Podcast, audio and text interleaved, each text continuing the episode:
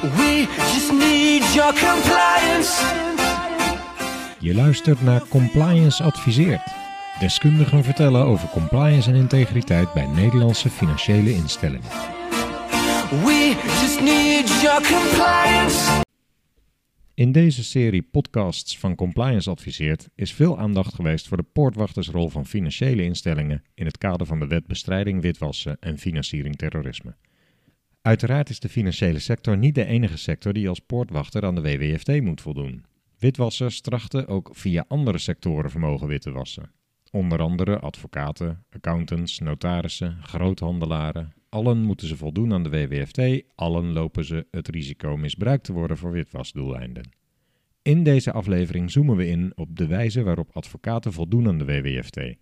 Hoe passen advocaten de WWFT toe in hun werk en tegen welke specifieke risico's lopen zij aan in hun werk? Dat is natuurlijk ook interessant voor financiële instellingen. Niet in de laatste plaats omdat het een idee geeft van de WWFT-risico's die de financiële instelling loopt bij zakelijke relaties met advocaten. Verder is er de laatste tijd weer veel te doen over de onafhankelijkheid in toezicht op advocatuur. Eind september verscheen er een opinie met de titel Advocatuur verdient onafhankelijk toezicht. We bespreken de wereld van de advocatuur met Bas Martens. Hij is managing partner bij Delissen Martens Advocaten en voorheen deken in Den Haag.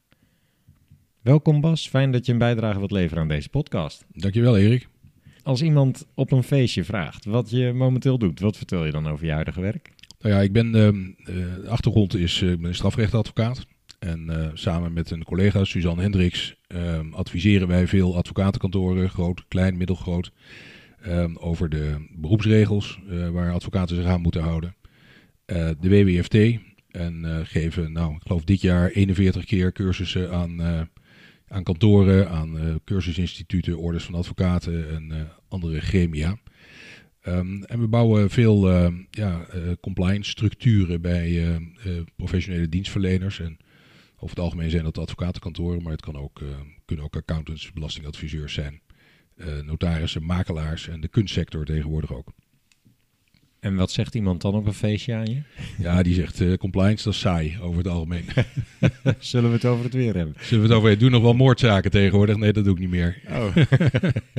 Geen sappige verhalen, maar wel interessant voor eh, Ja. onze, ons luisterend publiek. Ja. Op welke manieren of bij welke typen juridische dienstverlening kan een advocaat risico lopen betrokken te raken bij witwassen? Ik zei dat wel zo in de inleiding, maar Ehm, nou, eh, je hebt eh, de NRA, hè? Eh, de NRA eh, 2019 eh, National Risk Assessment. En ehm, eh, er komt binnenkort een nieuwe aan. Dat is eigenlijk ook waar advocaten tegenaan kunnen lopen. Ehm, de National Risk Assessment, wat staat daarin dan? nou, daar wordt in elk geval voor, door het WODC, wordt daar voor, voor Nederland, op het Nederlandse niveau, worden de risico's op het gebied van witwassen geïdentificeerd. Dat is eigenlijk waar het risicobeleid van advocatenkantoren ook tegenaan gehouden wordt. En ja, dan heb je het natuurlijk over risico's op het gebied van aandelen, vastgoed eh, en geld. En eh, alles waar je, eh, dat zijn ook precies de punten waar je ook over adviseert als advocaat, waar je op het gebied van de WWFT kunt komen. Mhm. Maar als je internationale literatuur leest, dan wordt er voornamelijk gezegd, advocaten, de legal sector, eh, die loopt de grootste risico's bij de derde geldrekeningen. Dus op het moment dat er de geldstromen onderbroken worden van de, de, de, de ene partij naar de andere partij, omdat er een, eh, een derde geldrekening tussen zit, dat is, eh, dat is wat heel vaak genoemd wordt. Ja, ja. Ja. En wat internationaal veel genoemd wordt, zijn ook de nepprocedures. Ehm, en eh, die zie je gek genoeg in eh, nationale literatuur wat minder. Hè? Dus je kunt, eh, een, een partij zou een, eh, een nep incasso-procedure kunnen optuigen. Eh, waarbij eh, hij zegt, ja, jij bent mij nog 100.000 euro schuldig. Mhm. En een rechter daar een stempel op laten zetten. En vervolgens eh, eh, wit je op die manier het geld. Ja, ja. Je ziet dat in Nederland zie je dat eigenlijk zelden voorbij komen. Je ziet ook dat rechters daar heel, heel keen op zijn. Mhm. ja, in Nederland wel, maar Ja, bepaalde landen minder. dat denk ik, ja. Ja, ja. Dat zijn de risico's, dankjewel, dat is helder. Ehm, moeten nou alle advocaten in alle gevallen voldoen aan de WWFT of kun je daar een onderscheid in maken? Nee, dat, eh, de WWFT zelf geeft heel duidelijk voor iedere dienstverlening, eh, dienstverlener aan eh, wanneer je op het gebied van de WWFT komt. Nou, dat staat, dat staat in artikel 1a van, van de WWFT. En voor advocaten is dat op het moment dat je adviseert. op het gebied van, van vastgoed, op het gebied van aandelen, op het gebied van geld, op het gebied van ondernemingen. Ja, het komt er in de praktijk eigenlijk gewoon op neer dat eh, op het moment dat je adviseert over fusies, overnames, over financieringen en over vastgoed, dan zit je als advocaat op het gebied van de WWFT. En dan maakt de WWFT een duidelijk onderscheid voor eh, procedures, voor alle geschillen. Dus eh, ja, als je je toga aantrekt en je gaat ermee naar de rechtbank, ook al is dat een kwestie die gaat over, eh, over vastgoed, geld en aandelen, dan, dan ben je uitgezonderd van de WWFT. Maar ook op het moment dat eh, een procedure in zicht is of dat je een procedure aan het afwikkelen bent, dan is de WWFT eh, niet van toepassing. De WWFT is ook niet van toepassing eh, in het eerste gesprek met een advocaat. Het systeem zegt eigenlijk dat, dat iemand altijd bij een poortwachter terecht moet kunnen om zich daar te laten adviseren. Waarbij de poortwachter dan kan zeggen: luister vriend, wat je hier van plan bent, dat moet je niet doen. Daar moet je mee stoppen. En, en daar, eh, daar komt dan geen meldplicht uit op het moment dat de betrokken persoon allerlei snode plannen bekend maakt. En, eh, maar vervolgens niet met die advocaat in, die- in zee gaat. Nee, en op dat moment, hè, er is natuurlijk een eh, moment dat je een WWFT-melding zou moeten doen, is er het zogenaamde tipping-off verbod. Maar in die voorfase, dus voordat je de zaak aanneemt, heb, je dat, heb je dat niet. Dus kun je nog ook tegen betrokkenen zeggen, als jij mij opdracht zou geven om deze zaak voor jou te doen, dan zitten we op het gebied van de WWFT en dan komt daar een meldplicht uit. Mhm. Dan wordt er wel eens gezegd, ja, dan gaat het wel naar de buurman, die doet het wel. Ehm, maar de gedachte uit het systeem is natuurlijk dat de buurman het dan ook niet doet. En dat je op die manier het systeem schoner houdt. Ja. We hebben die typen dienstverlening eh, besproken, maar op wat voor manier kan er via die typen dienstverlening dan precies witgewassen worden? Ehm, ehm, ja, dat is even een vraag die, eh, die je nu stelt. Ehm, kijk, eh, criminelen die ehm, eh, ja, witwassen doen ze eh, uiteindelijk eh, natuurlijk om crimineel geld in de bovenwereld te krijgen. En daar heb je eh, in voorkomende gevallen kun je daar ge- gebruik maken, misbruik maken van, eh, van dienstverleners. Hè? Ja. Advocaten, notarissen die jou ehm, eh, met hun dienstverlening, bijvoorbeeld het, het opmaken van actes, ervoor zorgen dat dingen gewettigd worden. Ja, En dan lijkt het legaler dan het werkelijk is. Ja, precies. Dus dat, eh, hè, het moment dat het gaat om het oprichten van een vennootschap of het gaat om eh, de koop en verkoop van vastgoed en bepaalde eh, prijsverschillen die erin zouden kunnen zitten eh, ten opzichte van een werkelijke waarde. eh, dat is waar de risico's liggen op, eh, op daadwerkelijk witwassen. Ja, en daar kun je dus als professional bij betrokken worden. Ook omdat je bijvoorbeeld verplicht bent om ingeschakeld te worden, zoals een notaris. Ehm, of ehm, eh, omdat je ehm, eh, nodig bent om contracten op te stellen die echt lijken eh, ten opzichte van de buitenwereld, eh, bijvoorbeeld ten opzichte van de fiscus. Hm. Dus daar zitten de concrete risico's eh, waar je als poortwachter op bedacht moet zijn. Oké. En we hebben het gehad over ehm, in welke gevallen een advocaat wel en niet moet voldoen aan de WWFT. Is dat in heel Europa gelijk of zitten er nog verschillen? Ja, de WWFT zegt duidelijk dat je ehm, adviseert als zelfstandig dienstverlener als advocaat. En dat geldt voor buitenlandse advocaten evenzeer. Dus als een eh, Duitse advocaat eh, optreedt in Nederland, en dat kan volgens de regels van de Orde van Advocaten, eh, dan, ehm, eh, of een Franse advocaat, of zelfs ook een, een advocaat die onder dezelfde beroepsregels valt in, in een ander land buiten de EU, maar optreedt in Nederland, dan valt hij als zodanig ook onder de WWFT. Ja, op het moment dat er in Nederland zo opgetreden wordt. Maar Ja. stel, ik krijg een document van een Duitse advocaat die in onder Duits recht een eh, document heeft opgesteld over een aandelenoverdracht of iets dergelijks. Ja. Kan ik er dan van uitgaan dat dat vergelijkbaar is met eh, dat dat een vergelijkbare waarde heeft dan Nederlands? Ja. Zeker, ja. En ehm, het is wel zo dat natuurlijk het toezicht op, eh, op die Duitse advocaat vindt in beginsel plaats in, in Duitsland. Maar mocht die advocaat ook in Nederland optreden, en dat kan onder in voorkomende gevallen, dan valt hij zowel onder het toezicht van zijn eigen toezichthouder als op, onder de toezichthouder in Nederland. Oh, allebei? Ja. Hm. Oké. Is ook, is ook dus gebonden aan de toezichtregels in beide landen. We hebben het gehad over die juridische diensten die verleend worden, zoals het oprichten of beheren van vennootschappen of het geven van fiscaal advies. Eh, hoe moeten advocaten hun WWFT-verplichting dan invullen als ze dergelijke dienstverlening bieden? Ja. Ehm, ja, je hebt advocaten die nooit WWFT-diensten doen. Ja. Dus eh, die doen alleen maar echtscheidingen, of ze doen alleen maar eh, arbeidszaken, of ze doen alleen maar eh, strafrecht. Dus, eh, het zijn advocaten die eh, eigenlijk alleen maar altijd hun toga aan hebben, eh, figuurlijk gezien. Die hoeven niet aan de regels van de, aan de, aan de organisatieregels van de WWFT te voldoen. Mhm. Maar de, het beleid zegt dat als je ook maar één keer een WWFT-zaak doet, dan moet je al risicobeleid hebben. En ehm, ja, op het moment dat je die WWFT-dienst doet, moet je natuurlijk cliëntenonderzoek doen. Moet je melden in voorkomende gevallen. Ehm, en eh, zul je ook eh, moeten voldoen aan je monitoringsverplichting. En alles wat ook voor financiële dienstverleners en voor andere eh, professionals die onder de WWFT vallen, op dezelfde wijze zul je eraan moeten voldoen. Mhm. Oké, bij het identificeren en verifiëren van de identiteit van je klant kan ik me iets voorstellen in de advocatuur. Dat is niet veel anders dan bijvoorbeeld in de financiële sector. Maar transacties monitoren, welke transacties eh, verwerkt een advocaat dan? Ja, eh, eh, nou die monitoringsverplichting die komt natuurlijk op twee momenten. Op het moment dat je je cliëntenonderzoek doet. Hè, en je cliëntenonderzoek dat moet je doen voordat je aan de slag gaat. Dat is ook niet anders dan, dan voor andere professionals.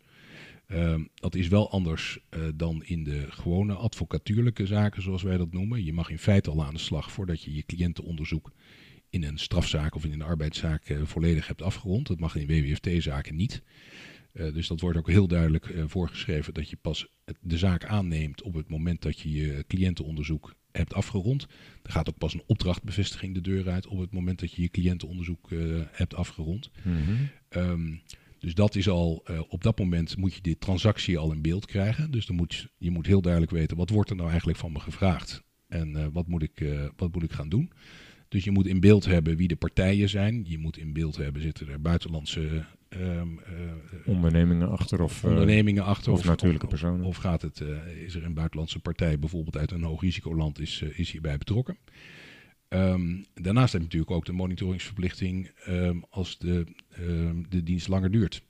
Dat zien we bij advocatenkantoren natuurlijk een stuk minder dan bij fiscalisten of bij accountants, die elk jaar de cliënt terugzien voor de aangifte of voor de jaarrekening. De meeste advocatuurlijke zaken zijn natuurlijk binnen enkele maanden wel, eh, wel afgerond. mhm. Maar goed, in de advisering zeggen wij altijd ook wel dat als je een langjarige cliënt hebt, eh, ook weer op risico gebaseerd, ehm, eh, richt die monitoringsverplichting in en doe dat één keer per half jaar of één keer per jaar, afhankelijk van, van hoe je je risico-inschatting maakt. Ehm, maar goed, het komt in de, in de praktijk natuurlijk niet zo heel erg vaak voor dat je jarenlang een cliënt hebt.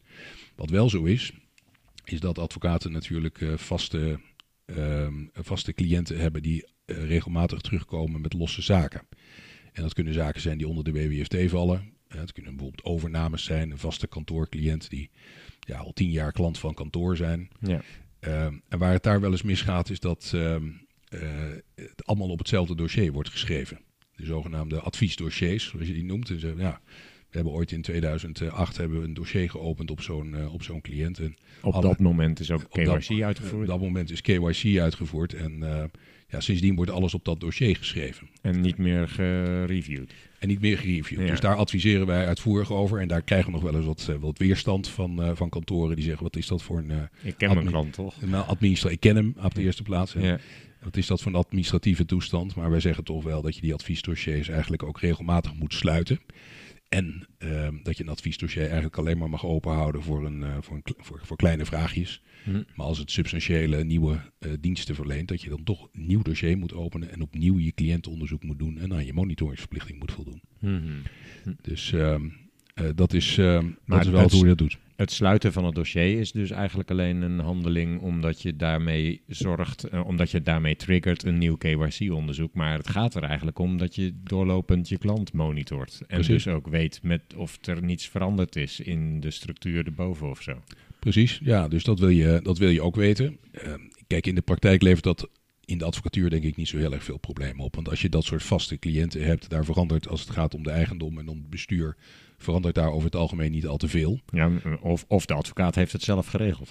Ja, dat kan ook. Dat Ja. ook nog eens een keer. Dus dat zicht op, eh, op die cliënt en het zicht op, eh, op die transacties, dat heb je over het algemeen wel. Ja. Maar desalniettemin, hè, je, eh, bedoel, je hebt gewoon die verplichtingen op, in het kader van het cliëntenonderzoek, in het Mhm. kader van de WWFT. Dus je moet dat gewoon doen. Het klinkt misschien voor mij, of voor jou als een, een naïeve vraag van mij, maar als zo'n advocaat ehm, toch met zo'n klant bezig is, dan regelt hij vaak ook de structuur, toch? Of in ieder geval, daar geeft die juridische dienst of juridisch advies over, toch? Vaak Ja. Regelmatig. Er zit er dan niet al heel veel overlap in wat hij gewoon al als dienst voor zijn klant doet en wat hij voor de WWFT moet doen? Ja, maar eh, nogmaals, je, het cliëntonderzoek gaat voor het verlenen van de dienst zelf. Mhm. Dus eh, en Ja. inderdaad, de informatie die je uit het cliëntonderzoek krijgt, die kan ook heel relevant zijn voor de zaak die je eigenlijk doet. Hè?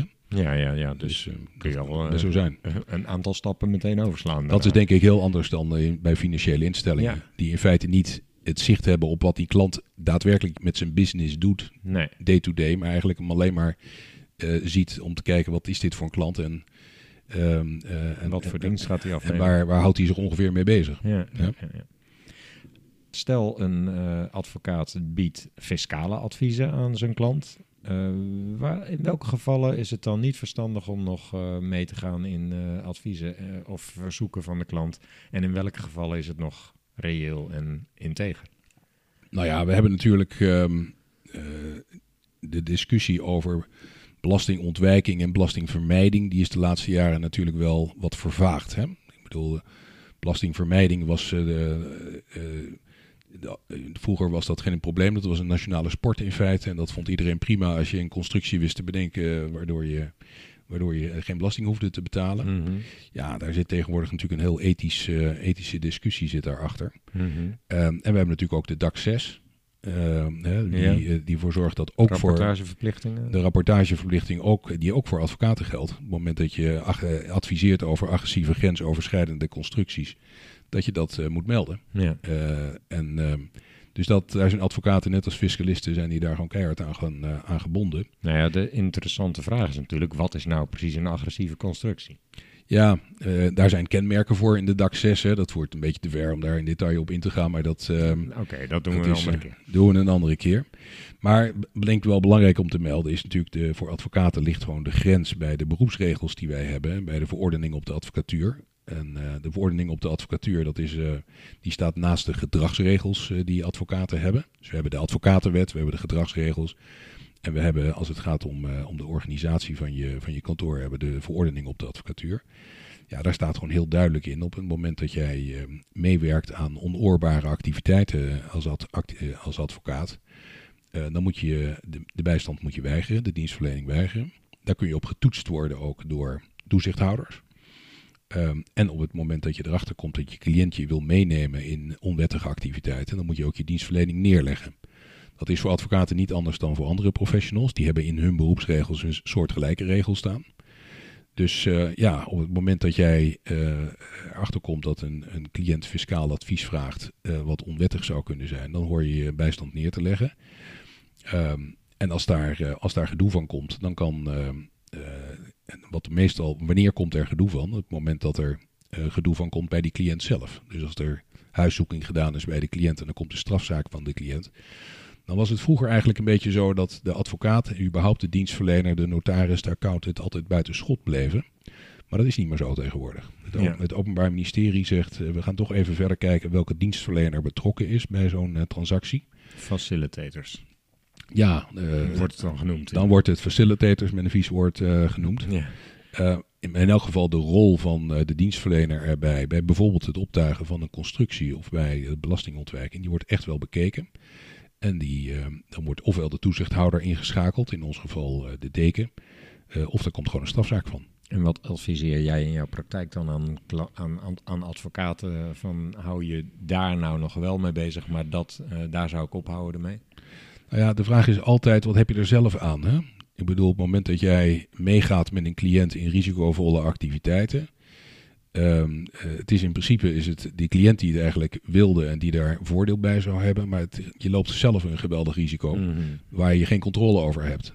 Ja. Dus je moet het gewoon niet willen. Ehm, en eh, dat, ehm, dat, dat, dat geldt ook eh, uiteindelijk voor de gedachte achter de WWFT. Wij advocaten vinden het natuurlijk van oudsher heel lastig om uit je geheimhouding, je wettelijke geheimhouding te moeten treden om een melding te doen over je eigen cliënt. Mhm. Je begrijpt dat, dat Ja, gaan de haren, de haren te bergen, gaan je bij wijze van Een spreken. beetje hè. tegenstrijdig lijkt dat. Het is heel tegenstrijdig, maar de gedachte achter het systeem is wel dat je dat pas doet op het moment dat je dreigt meegesleept te worden. Ja, ja. En dan wil je daar eigenlijk niks meer mee te maken hebben. Ja. Eh, en dan, doe, dan meld je. Nou, we komen later nog op het aantal FAU-meldingen wat we hebben gezien in de Ja. afgelopen jaren. Maar vooruitlopend daarop wil ik, omdat we het er nu eigenlijk zijdelings al over hebben.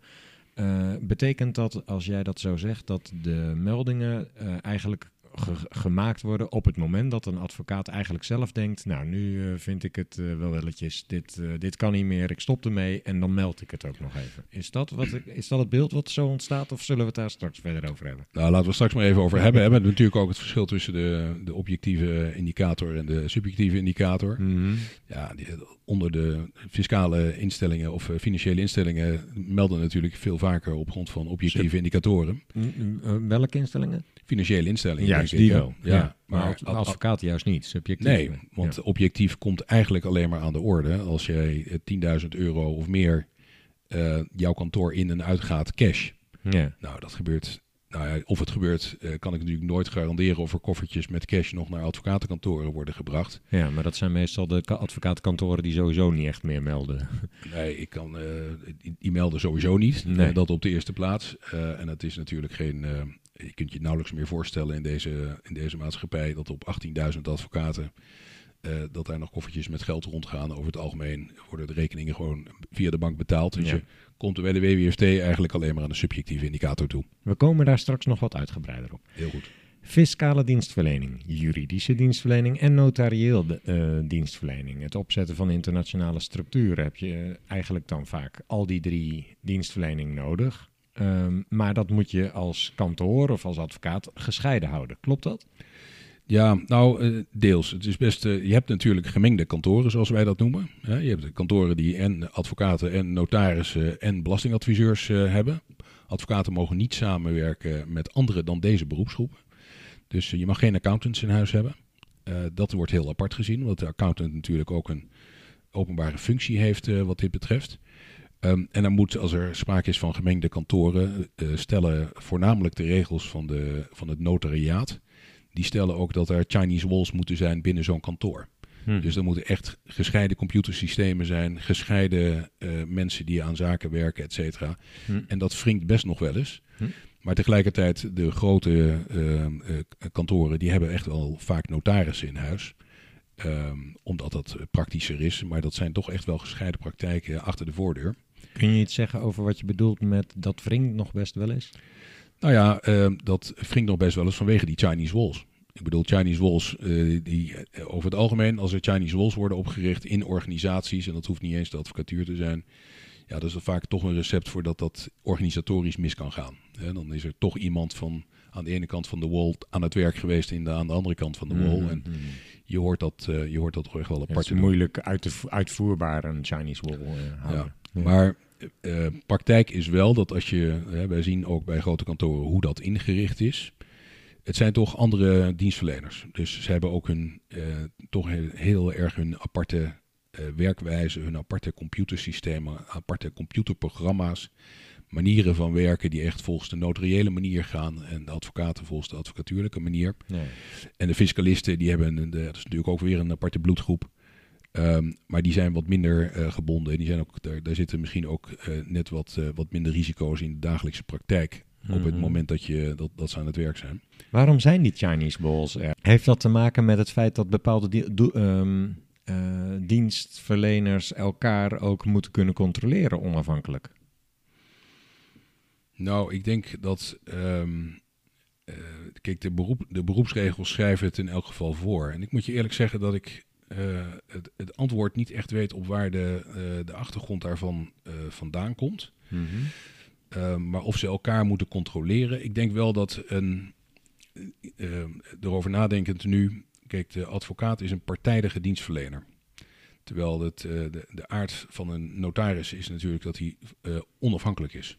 Mm-hmm. het gebeurt ook wel eens dat een notaris uh, optreedt als partijnotaris. Ehm, daar, moet, daar, daar, zijn dan hele strikte regels voor. Dat mag hij echt, daar moet hij heel voorzichtig mee zijn. Terwijl die advocaat die verwoordt altijd het standpunt van zijn cliënt. Ja, ja. ja en Ja. Dat, uh, Hm. Dus ik, Ja. ik, kan me inderdaad voorstellen dat, zo no dat die notaris in elk geval niet te zeer beïnvloed mag worden door die partijdige advocaat. Mm-hmm. Want dat zou zijn onafhankelijkheid in gevaar kunnen brengen. Heeft dat ook een nadelig effect? De advocaat ziet iets, de notaris ziet iets. Samen zouden ze misschien tot een conclusie komen: hier is eh, dodgy business bezig. Maar Ja. omdat ze een Chinese walls hebben, missen ze de informatie. Ja, maar dat, ehm, eh, dat is zo dat in de WWFT eh, er een duidelijke plicht is opgenomen dat die dienstverleners die, ehm, die gaan melden overleg eh, kunnen hebben met een dienstverlener die in dezelfde transactie zit. En daar doe je ook verstandig aan. Dus ze Ja. moeten echt eh, overleggen. Ja, ja. Ja, en wat er aan gaat komen in de wetplan van aanpak eh WW Wittewassen, die er eh, nu vandaag eh, of gisteren of morgen bij de Tweede Kamer wordt ingediend, is dat, eh, en ik vind dat vergaand hoor, ehm, dat je al in het kader van je cliëntenonderzoek overleg moet gaan voeren in de toekomst met die dienstverleners uit dezelfde groep. Hè, dus dat zijn de accountants, de notarissen, de belastingadviseurs en de advocaten. Mhm. Ehm, in het kader van je cliëntonderzoek. Dus helemaal in de voorfase. Dus eigenlijk Mhm. nog voordat je de zaak aangenomen hebt. Ja, ik vind dat toch wel een, een behoorlijke inbreuk op, ehm, op, eh, op de privacy van mensen. Je hebt de zaak nog niet eens aangenomen. Eh, Mhm. je bent aan het onderzoeken wie je cliënt is. Hm. En je moet Jan en alle man al gaan bellen. Hm. ehm, van wat vind jij ervan? Eh, vind jij het misschien verscherpt cliëntonderzoek? Vind jij het een hoog risico cliënt? Daarmee eh, ja, kun je de naam van een betrokken persoon al, eh, al te grappel gaan gooien. Enig van, idee eh, waarom dat ingevoerd wordt dan? nou ja, omdat ja, toch meer, meer grip op, op witwassen. Hè? Ja. En de vraag is hoe effectief eh, dat op dat moment is. Want Nou, dat zou toch ook eh, naderhand nog kunnen ook. ja, En dan kan je alsnog ingrijpen. dan kun je alsnog ingrijpen. Dus het is toch gewoon weer extra maatregel. Daar heeft overigens eh, in een advies van de Raad van State van deze zomer... heeft de Raad van State gezegd dat dat niet zou moeten gebeuren. Hm. Die hebben gezegd het is een vergaande inbreuk op, op grondrechten. Want in die wetplan van aanpak witwassen staat ook dat ehm, eh, de banken ehm, eh, ook met elkaar moeten overleggen over eh, transacties die zij zien bij hun cliënten.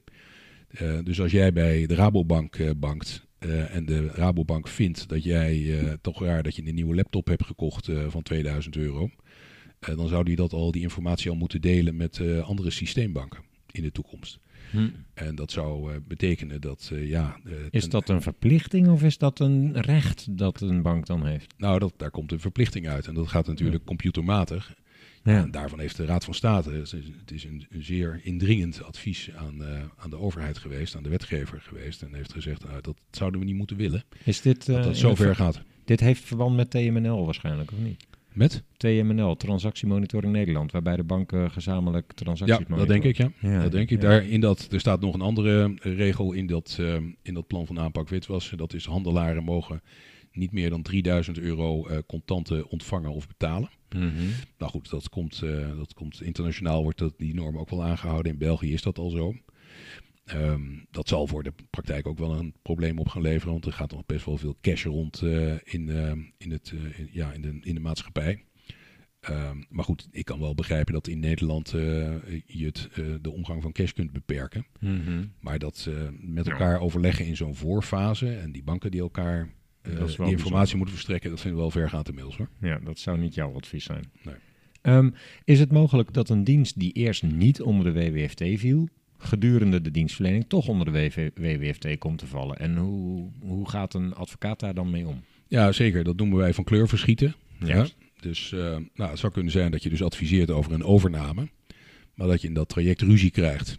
Nou, dan is het, het eerste gedeelte van, eh, van dat traject is eh, WWFT. Maar als er ruzie komt, dan is het een geschil. Is dat een ruzie tussen de advocaat en de klant of tussen degenen die Nee, nee, de tussen de partijen. doen? Ja, tussen de partijen. Hè? Ja. Dus- en er moet bijvoorbeeld een kort geding worden gevoerd. Ja. Nou, dat kort geding valt niet meer onder de WWFT.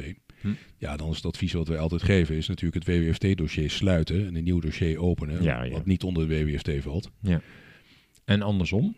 Eh, andersom eh, kan, het, eh, kan het ook voorkomen. Hè? Het kan bijvoorbeeld zo zijn dat je, dat je een geschil hebt. We noemen altijd de simpele, eh, een simpele voorbeeld van een echtscheiding. Nou, een echtscheiding, eh, daar is de WWFT niet op van toepassing. Mhm.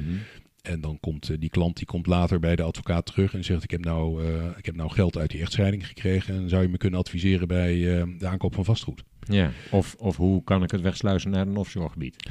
Of hoe kan ik het wegsluizen naar een offshore gebied? En dan zeg je als advocaat: dat, dat, Daar, doe, ik- we niet mee. daar doe ik niet aan mee. Mhm. Maar dat op die manier. Hè, dat dan, en dan is er een grijs gebied. ehm, eh, wat hoort nou nog onder het afwerken van die echtscheiding? Ja, of, Mhm, eh, of het mhm. afwerken van een letselschadezaak, wat ook geen WWFT is, maar dat zijn de zaken waar geld uit kan komen. Ja. Maar is Ehm, dat niet net zo simpel?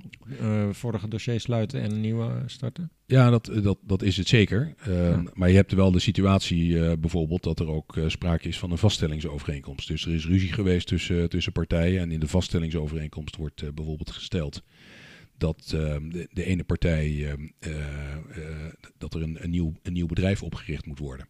Mhm. Nou, vind je dan op dat moment dat eh, die tweede fase dat dat WWFT is? Of vind je dat nog vallen onder eigenlijk het geschil wat afgewikkeld Mhm. werd tussen partijen? Mhm. Ehm, en zo, kijk, voor ons is het heel duidelijk dat als jij bijvoorbeeld adviseert in een echtscheidingszaak en je adviseert over de onderneming die er is, je adviseert over de fiscaliteit, je adviseert over eh, het vastgoed in, eh, in dat gezin eh, wat er is, dat is geen WWFT, want dat valt allemaal onder eh, de afwikkeling van die echtscheiding. Mhm.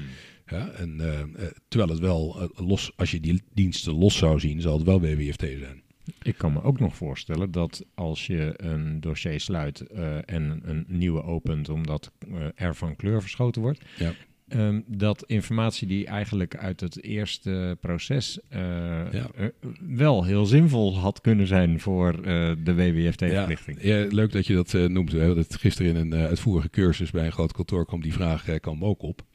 En ja, daar kun je verschillend tegenaan kijken. Je kunt natuurlijk zeggen, luister, dat tweede dossier, hè, wat advocatuurlijk is, dat valt volledig onder de geheimhouding. Dus de informatie die dan pas blijkt, het kan dus bijvoorbeeld ook zo zijn dat als de zaak van kleur verschiet en eh, je bent met een geschil bezig in de, in de tweede fase, die volledig onder de geheimhouding valt, waar je nooit uit zou eh, mogen melden eh, aan de VU Nederland. Mhm. Ehm, en je komt er dan ineens achter dat wat jij in dat eerste dossier, wat wel onder de WWFT viel, Dat dat, dat dat ineens niet meer, eh, dat, dat het niet kosher was. Klopt, ja. Dat dat destijds niet kosher was. Dat Ja. wist jij op dat moment niet. Dus Ja. in die eerste fase had je geen reden om te melden. Dat wordt ingewikkeld. En dan wordt het ingewikkeld. Ja, ik, ik denk dat je, als je er advocatuurlijk naar kijkt, dat je zegt, ja, alles wat jou, wat jou ter oren komt nu, in die tweede fase, eh, dat, is, eh, dat valt onder je geheimhouding. Ja. En, dan, eh, en dan, dan mag je niet zeggen, ik ga alsnog melden. Maar ik kan mij voorstellen dat het is een, echt een situatie waar je leuk over kunt discussiëren. Mhm. Dat een toezichthouder zou kunnen zeggen, ja, ik verwijt jou dat je niet alsnog gemeld hebt. Want het Mhm. hoort ook misschien bij de discussie die destijds... Is, dus- is dat voor een advocaat goed voorspelbaar, hoe zo'n toezichthouder dan zal reageren? Ehm, nee, dat eh, is niet, voorspelbaar, niet goed voorspelbaar. Het is gelukkig wel zo dat wij in de advocatuur een kenniscentrum WWFT hebben. Dat is eh, ondergebracht bij de, bij de Haagse Orde van Advocaten. Mhm. Eh, Ik ben des- destijds nog betrokken geweest bij de oprichting ervan. En dat is zo ingericht dat je daar in elk geval vertrouwelijk kunt. ehm, daar zitten met specialisten. Mhm. En die maken eventueel zelfs een advies voor je. Dus ik wil, die, die denken drie, vier dagen met je mee over hoe je, welke beslissing je moet nemen. Hm. Ehm, die zullen het niet melden bij eh, de toezichthouder op het moment dat je het verkeerd doet. Maar daar zit er wel zodanige sociale druk op dat je het eh, wordt geacht het goed te doen. Hm. En die adviezen die kun je natuurlijk ook meenemen op het moment dat je, dat je een toezichthouder achter je aan krijgt. Ja. Kun je zeggen, ik heb in elk geval bij een kenniscentrum informatie ingewonnen. Ja, nou, dat komt mij bekend voor, want als compliance officer haalde ik ook wel eens ad- advocatenadvies binnen en kon Ja. ik dan ook tegen de toezicht gaan, ja, deze advocaat heeft dit ons geadviseerd. Ja, ja maar goed, dit is in elk geval een, eh, Ja. in zekere zin een, eh, een onafhankelijk kenniscentrum. Ja, Eh, dat is, Die, die geen belang bij zo'n zaak hebben. Over hoe die structuur precies in elkaar zit in de advocatuur, daar gaan we later nog over hebben als we de deken en dergelijke gaan behandelen. Maar ehm, ik wilde nog weten, eh, zijn er nou specifieke typen advocaten waarvan jij zegt, die lopen het meeste risico op eh, betrokken te raken bij witwassen of terrorismefinanciering? Bijvoorbeeld is er nog verschil tussen grote advocatenkantoren en minder, eh, minder grote? Of kunnen advocatenkantoren meerdere vormen van juridische dienstverlening combineren, waardoor ze meer risico lopen? Ja, nou, wat je ziet in de praktijk is dat natuurlijk ehm, eh, bij grotere advocatenkantoren zijn de verschillende rechtsgebieden in secties ingericht. Hè? Dus in afdelingen zijn die ingericht. En waar natuurlijk dan ehm, de- WWFT-regels voorbij komen, dat is eh, de sectie vastgoed, de sectie ondernemingsrecht, de sectie fiscaal. ehm, en, en natuurlijk veel minder bij de sectie arbeidsrecht, eh, de voorbeelden die ik je straks heb eh, Mhm. gegeven. Ehm, dus daar liggen we vanzelfsprekend ook die risico's, want zij adviseren op WWFT-gebied. Ik denk dat jij als advocaat in arbeidszaken of in strafzaken zelf eh, dat je geen, niet, een, niet een groot risico loopt dat je betrokken wordt eh, bij witwassen, bij strafrechtelijk witwassen. Mijn mening op basis van de advisering die wij vaak geven, is dat eh, bij de echt grote kantoren, in verband met de professionaliteit ervan, en ook denk ik wel met de omvang van de transacties die voorbij komen, die zodanig groot zijn dat dat weer eh, de omvang van eh, zeg maar wat, waar witwassers eh, mee bezig zijn, Mhm. weer overschrijdt. Hè? Ik bedoel, ik heb wel eens gehoord dat op de Zuidas dat je alleen maar terecht kunt vanaf 10 miljoen per, per transactie. Nou, dat is ook wel meer dan de gemiddelde witwasser kwijt wil. Mhm. Ehm, en, en ook vanwege die professionele compliance afdelingen die ze daar hebben, eh, dat dat op zich dat daar de risico's op witwassen minder zijn. Mhm. Als je nou gaat kijken hoeveel eh, van die echt grote kantoren er zijn, dat zijn er in Nederland 22. Mhm. Dus dan heb je het over kantoren met meer dan eh, met 70 eh, advocaten. Ehm, dat zijn ongeveer 3000 advocaten in het land. Ehm, dan kijk je naar de, de kleine kantoren. Dat zijn de advocaten tot ongeveer eh, 10 advocaten als, als omvang. Dat zijn de kantoren waar meestal ge- eigenlijk geen WWFT gedaan wordt. Op een paar niche kantoren na. Ehm, maar dat zijn meestal de zaken, dat zijn meestal de, de kantoren waar de arbeidszaken, de echtscheidingen, de strafzaken eh, worden gedaan. Mhm. Nou, dat zijn 5000 kantoren in Nederland. Eh, Hmm. ten opzichte van 22 heel eh, erg groot. Ehm, middelgrote kantoren, dat zijn er 110 ongeveer eh, in Nederland. En daar werken ook zo'n 3000 eh, advocaten. Ja, wat wij in de advisering zien is dat daar eh, de meeste winst nog te behalen valt. Ja, eh, ik bedoel, dat, dat zijn soms kantoren die eh, sterk gegroeid zijn, maar van klein kantoor naar groot kantoor gelopen zijn. En of de organisatie dan ook meteen meegroeit en of je dan echt inzet Ja. op de compliance of dat je inzet op HR of op marketing of Mhm. eh, dat soort afdelingen in je back-office. Ja. Dat is waar je wel vaak de risico's ziet en waar wij ook veel doen eh, op dat terrein met opbouwen van structuren, omdat ze die in feite gewoon niet hebben, maar ineens WWFT-zaken gaan doen. Mhm. Dus dat zijn de, de 110 eh, middelgrote kantoren. En dan heb je het dus over kantoren vanaf, eh, nou ja, zeg maar 20 tot, tot 60 advocaten ongeveer. Dan, dat kun je als middelgroot kun je dan zien. Als je het mij vraagt, hoewel er daar geen cijfers over bekend zijn, van waar zouden nou de risico's liggen? Dan liggen de risico's denk ik bij de, bij de middelgrote kantoren die toch regelmatig WWFT doen. Mhm. Die zijn misschien ook interessanter voor criminelen. want die denken bij die hele grote jongens, daar, eh, daar, daar kom je niet zomaar binnenlopen. Nou, ik zou me nog wel kunnen voorstellen dat het voor criminelen aantrekkelijk is om grotere geldstromen te vermengen met eh, andere legale grote geldstromen. Die vallen daar misschien minder op. Bij een kleiner kantoor en ik probeer daar een miljoen te witte wassen, dan is dat een veel grotere transactie dan wat ze normaal gezien. Ja, maar ik moet wel zeggen, ik, ik ken wel de, de, de compliance afdelingen van die, grote, van die echt grote kantoren. Ja, dat is echt zeer serieus is dat. Eh, dat eh, de, de wijze, daar mag geen enkele zaak geopend worden. Er mogen geen uren geschreven worden totdat het cliëntenonderzoek helemaal eh, hard Mhm. achter de rug is. Mhm. Ja, en hebben zoveel werk dat ze ook gewoon niet geïnteresseerd zijn in, in alles waar maar een beetje, business, een, ja. een beetje een luchtje aan zit. Ja. Nou, je ziet het in andere sectoren ook. Dat eh, juist die, die partijen die, eh, die snel groeien, eh, nog moeite hebben om eigenlijk hun Ja. volwassenheidsniveau snel te bereiken. Ja. Ja, dus dat, en daar zit het een beetje. En misschien ook wel omdat de witwassers niet bij de allergrootste jongens terecht kunnen. proberen ze toch in de Ja. laag daaronder wat te vinden. Ja. En dan, dus daar onderwijzen wij ook, ook duidelijk over de, de risico-indicatoren die je dan hebt. Hè. Op het moment dat je. Bijvoorbeeld een klant krijgt eh, die helemaal niet uit jouw regio komt, terwijl je de rest van je praktijk alleen maar regio gebonden is. Ja. Nou, dat zijn van die indicatoren waar je naar kijkt. Maar dat is voor andere dienstverleners niet anders. Is het voor zo'n partij, waar we nu eventjes dan over gaan hebben, een uitdaging om te weten wel, met welke klant ze te maken hebben? Ehm, ja, ik weet niet precies wat je bedoelt met een uitdaging. Hmm, is het lastig om te achterhalen of daar niet iets achter zit wat eh, toch niet helemaal in orde is? Nou, kijk, ik kan mij voorstellen dat, eh, dat banken, et cetera, inmiddels de meer tools hebben om dat, eh, om dat te doen. Waar we er straks ook even over spraken. Je ziet als advocaat eh, de transactie zelf ook, want daar ben je zelf ook bij betrokken. Dat is in feite de dienst die, die je gaat verlenen. Mhm. Dus het is wel zo dat je vrij snel vrij veel over een cliënt te weten komt. Ja. Dus als je het al niet in je cliëntenonderzoek voorafgaand aan de dienst hebt, hebt uitgevonden, dan krijg je het snel genoeg eh, te weten Te waar het, merken. eh, te merken wat, Ja. wat, wat hier nou eigenlijk speelt. Oké, en zijn er dan toch voorbeelden of is er casuïstiek uit de publiciteit eh, of jurisprudentie waaruit blijkt, goh, daar ging het echt mis? Nou ja, er is wel een, ehm, een, een bijzonder geval wat onlangs speelde waar de WWFT in beeld kwam. Ehm, is, ehm, en ja, of dat daar nou precies criminelen achter gezeten hebben, dat is niet helemaal duidelijk. Maar daar was het zo dat een, ehm, een grote advocatenkantoor, die, ehm, die hield zich bezig met procesfinanciering. Dus die waren met een grote claim bezig en daar moest geld voor verzameld worden. En, ehm, maar die wilden dat, eh, dat geld kwam uit het buitenland eh, voor die procesfinanciering. Hm.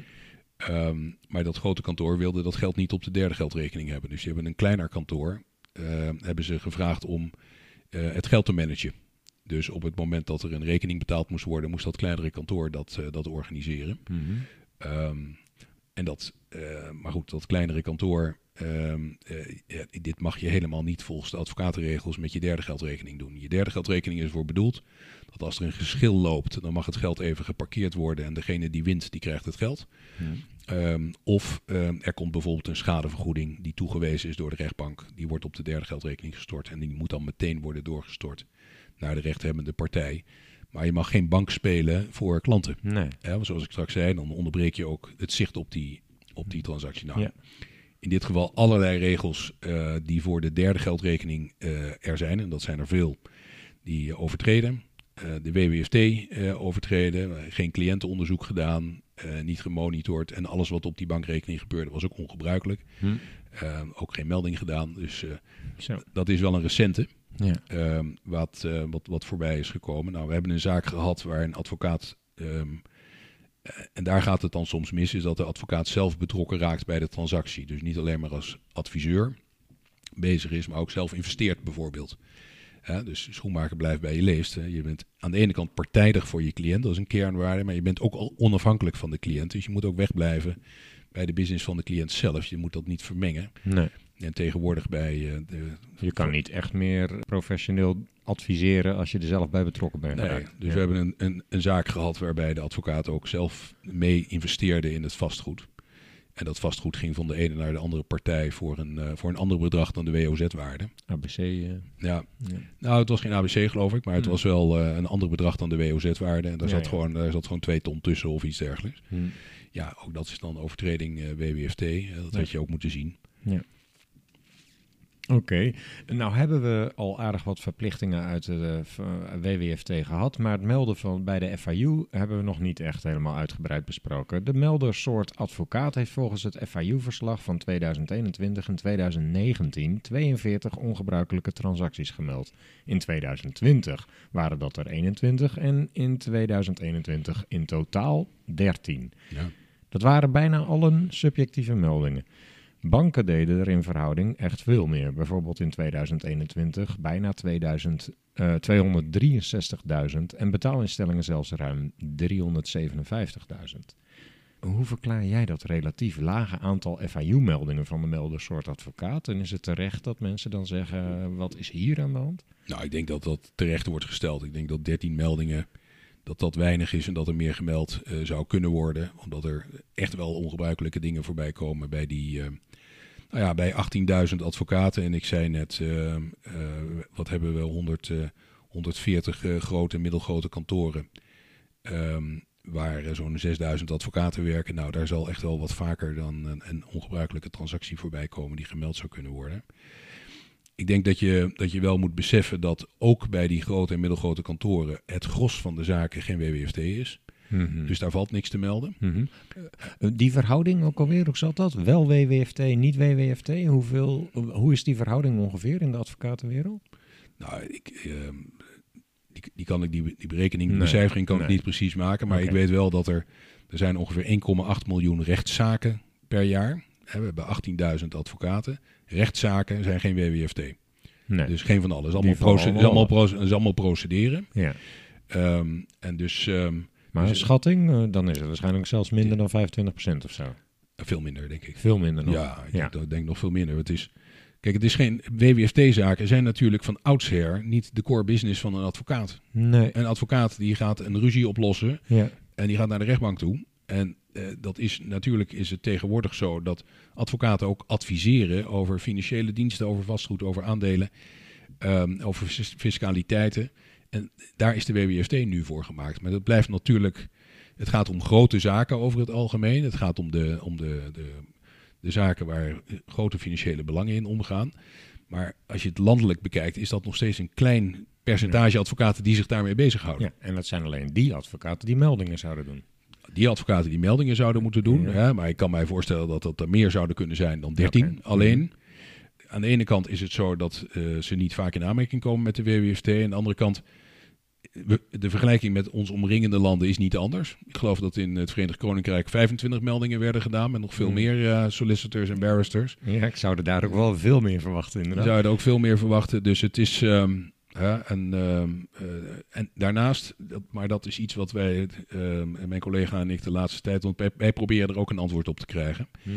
is dat het zo zou kunnen zijn, is dat bij die gemengde kantoren, dus bij die grote kantoren die en notarissen en fiscalisten en advocaten hebben, dat daar de melding wordt gedaan door de compliance adviseur. En dat dat misschien in één transactie niet gedaan wordt op naam van de advocaat, maar dat het gedaan eh, wordt namens het kantoor of op naam van de, van de notaris of de fiscalist. Mhm. Dat daar misschien toch een eh, wat een verwatering van de, van de cijfers in zit. Mhm. En zou er ook een verklaring... eh, Ja, dat, dat is natuurlijk een denkbare... dat het eigenlijk onder een andere meldersoort gerapporteerd wordt bij de FU. Ja. precies. Want- En, en maar ook die melden relatief gezien nog Niet niet. veel, ik geloof nee. de notarissen zitten op 363 geloof ik, eh, alles bij elkaar met de meldingen in 2021. Mhm. Goed, maar die, die verlenen meer eenvormige diensten. Dus daar wordt al eh, daar wordt, vind ik, meer zakelijk eh, beredeneerd. Ook al is het een subjectieve indicator, wordt het meer zakelijk beredeneerd gemeld. Mhm. Terwijl het in, in, in advocatenzaken is het natuurlijk altijd echt wel een groot eh, denkproces wanneer je moet melden. Mhm. Omdat je zelf op risico gebaseerd en na overleg met het kenniscentrum uiteindelijk beslist moet je, moet je melden in deze zaak. Ja, Want eh, geheimhouding is hier ook van, op van toepassing? Of? Nee, nee, er is een wet, een uitzondering op de geheimhoudingsverplichting als je moet melden. Als je moet melden, moet je melden ondanks je geheimhoudingsplicht. Precies. Ja. Ja. En zou het nog te maken kunnen hebben met het feit dat een kennismakingsgesprek, als jij zelf als advocaat al iets eh, eh, verdacht vindt, dat je dan niet meldt, omdat dan de WWFT-verplichting nog niet ingegaan is? Zou dat er ook mee te maken kunnen hebben? Dat zou kunnen, maar die, eh, dat kennismakingsgesprek, die vrijstelling, die geldt ook voor andere professionals. Dus, ehm, maar Mm, wat ik, wel kan, wat ik me wel kan voorstellen is dat je bij een advocaat leg je je hebben en houden op, eh, op tafel. En leg je op tafel wat je van plan bent te gaan doen. Mhm.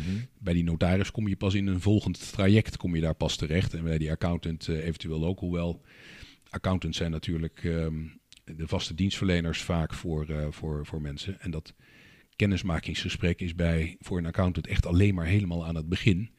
Want als eh, de cliënt eh, vijf jaar nadat hij eh, al vijf jaar zijn jaarrekening heeft laten opstellen door diezelfde accountant aankomt met ik ben van plan de volgende constructie op te stellen en dat is, eh, dat zit, dat, dat is onwettig. Ja, dan kan de accountant niet meer zeggen dit was een kennismakingsgesprek. Nee. Ja, Nee.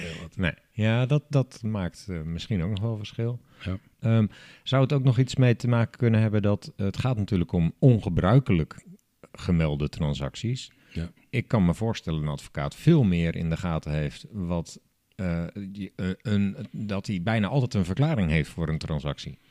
En een financiële instelling als een bank, die kan niet altijd een verklaring achterhalen, terwijl ze ook niet per se ongebruikelijk zijn. Nee, precies. Nou, kijk, wat je bij advocaten wel eh, tegenkomt, is dat er due diligence onderzoeken worden gedaan.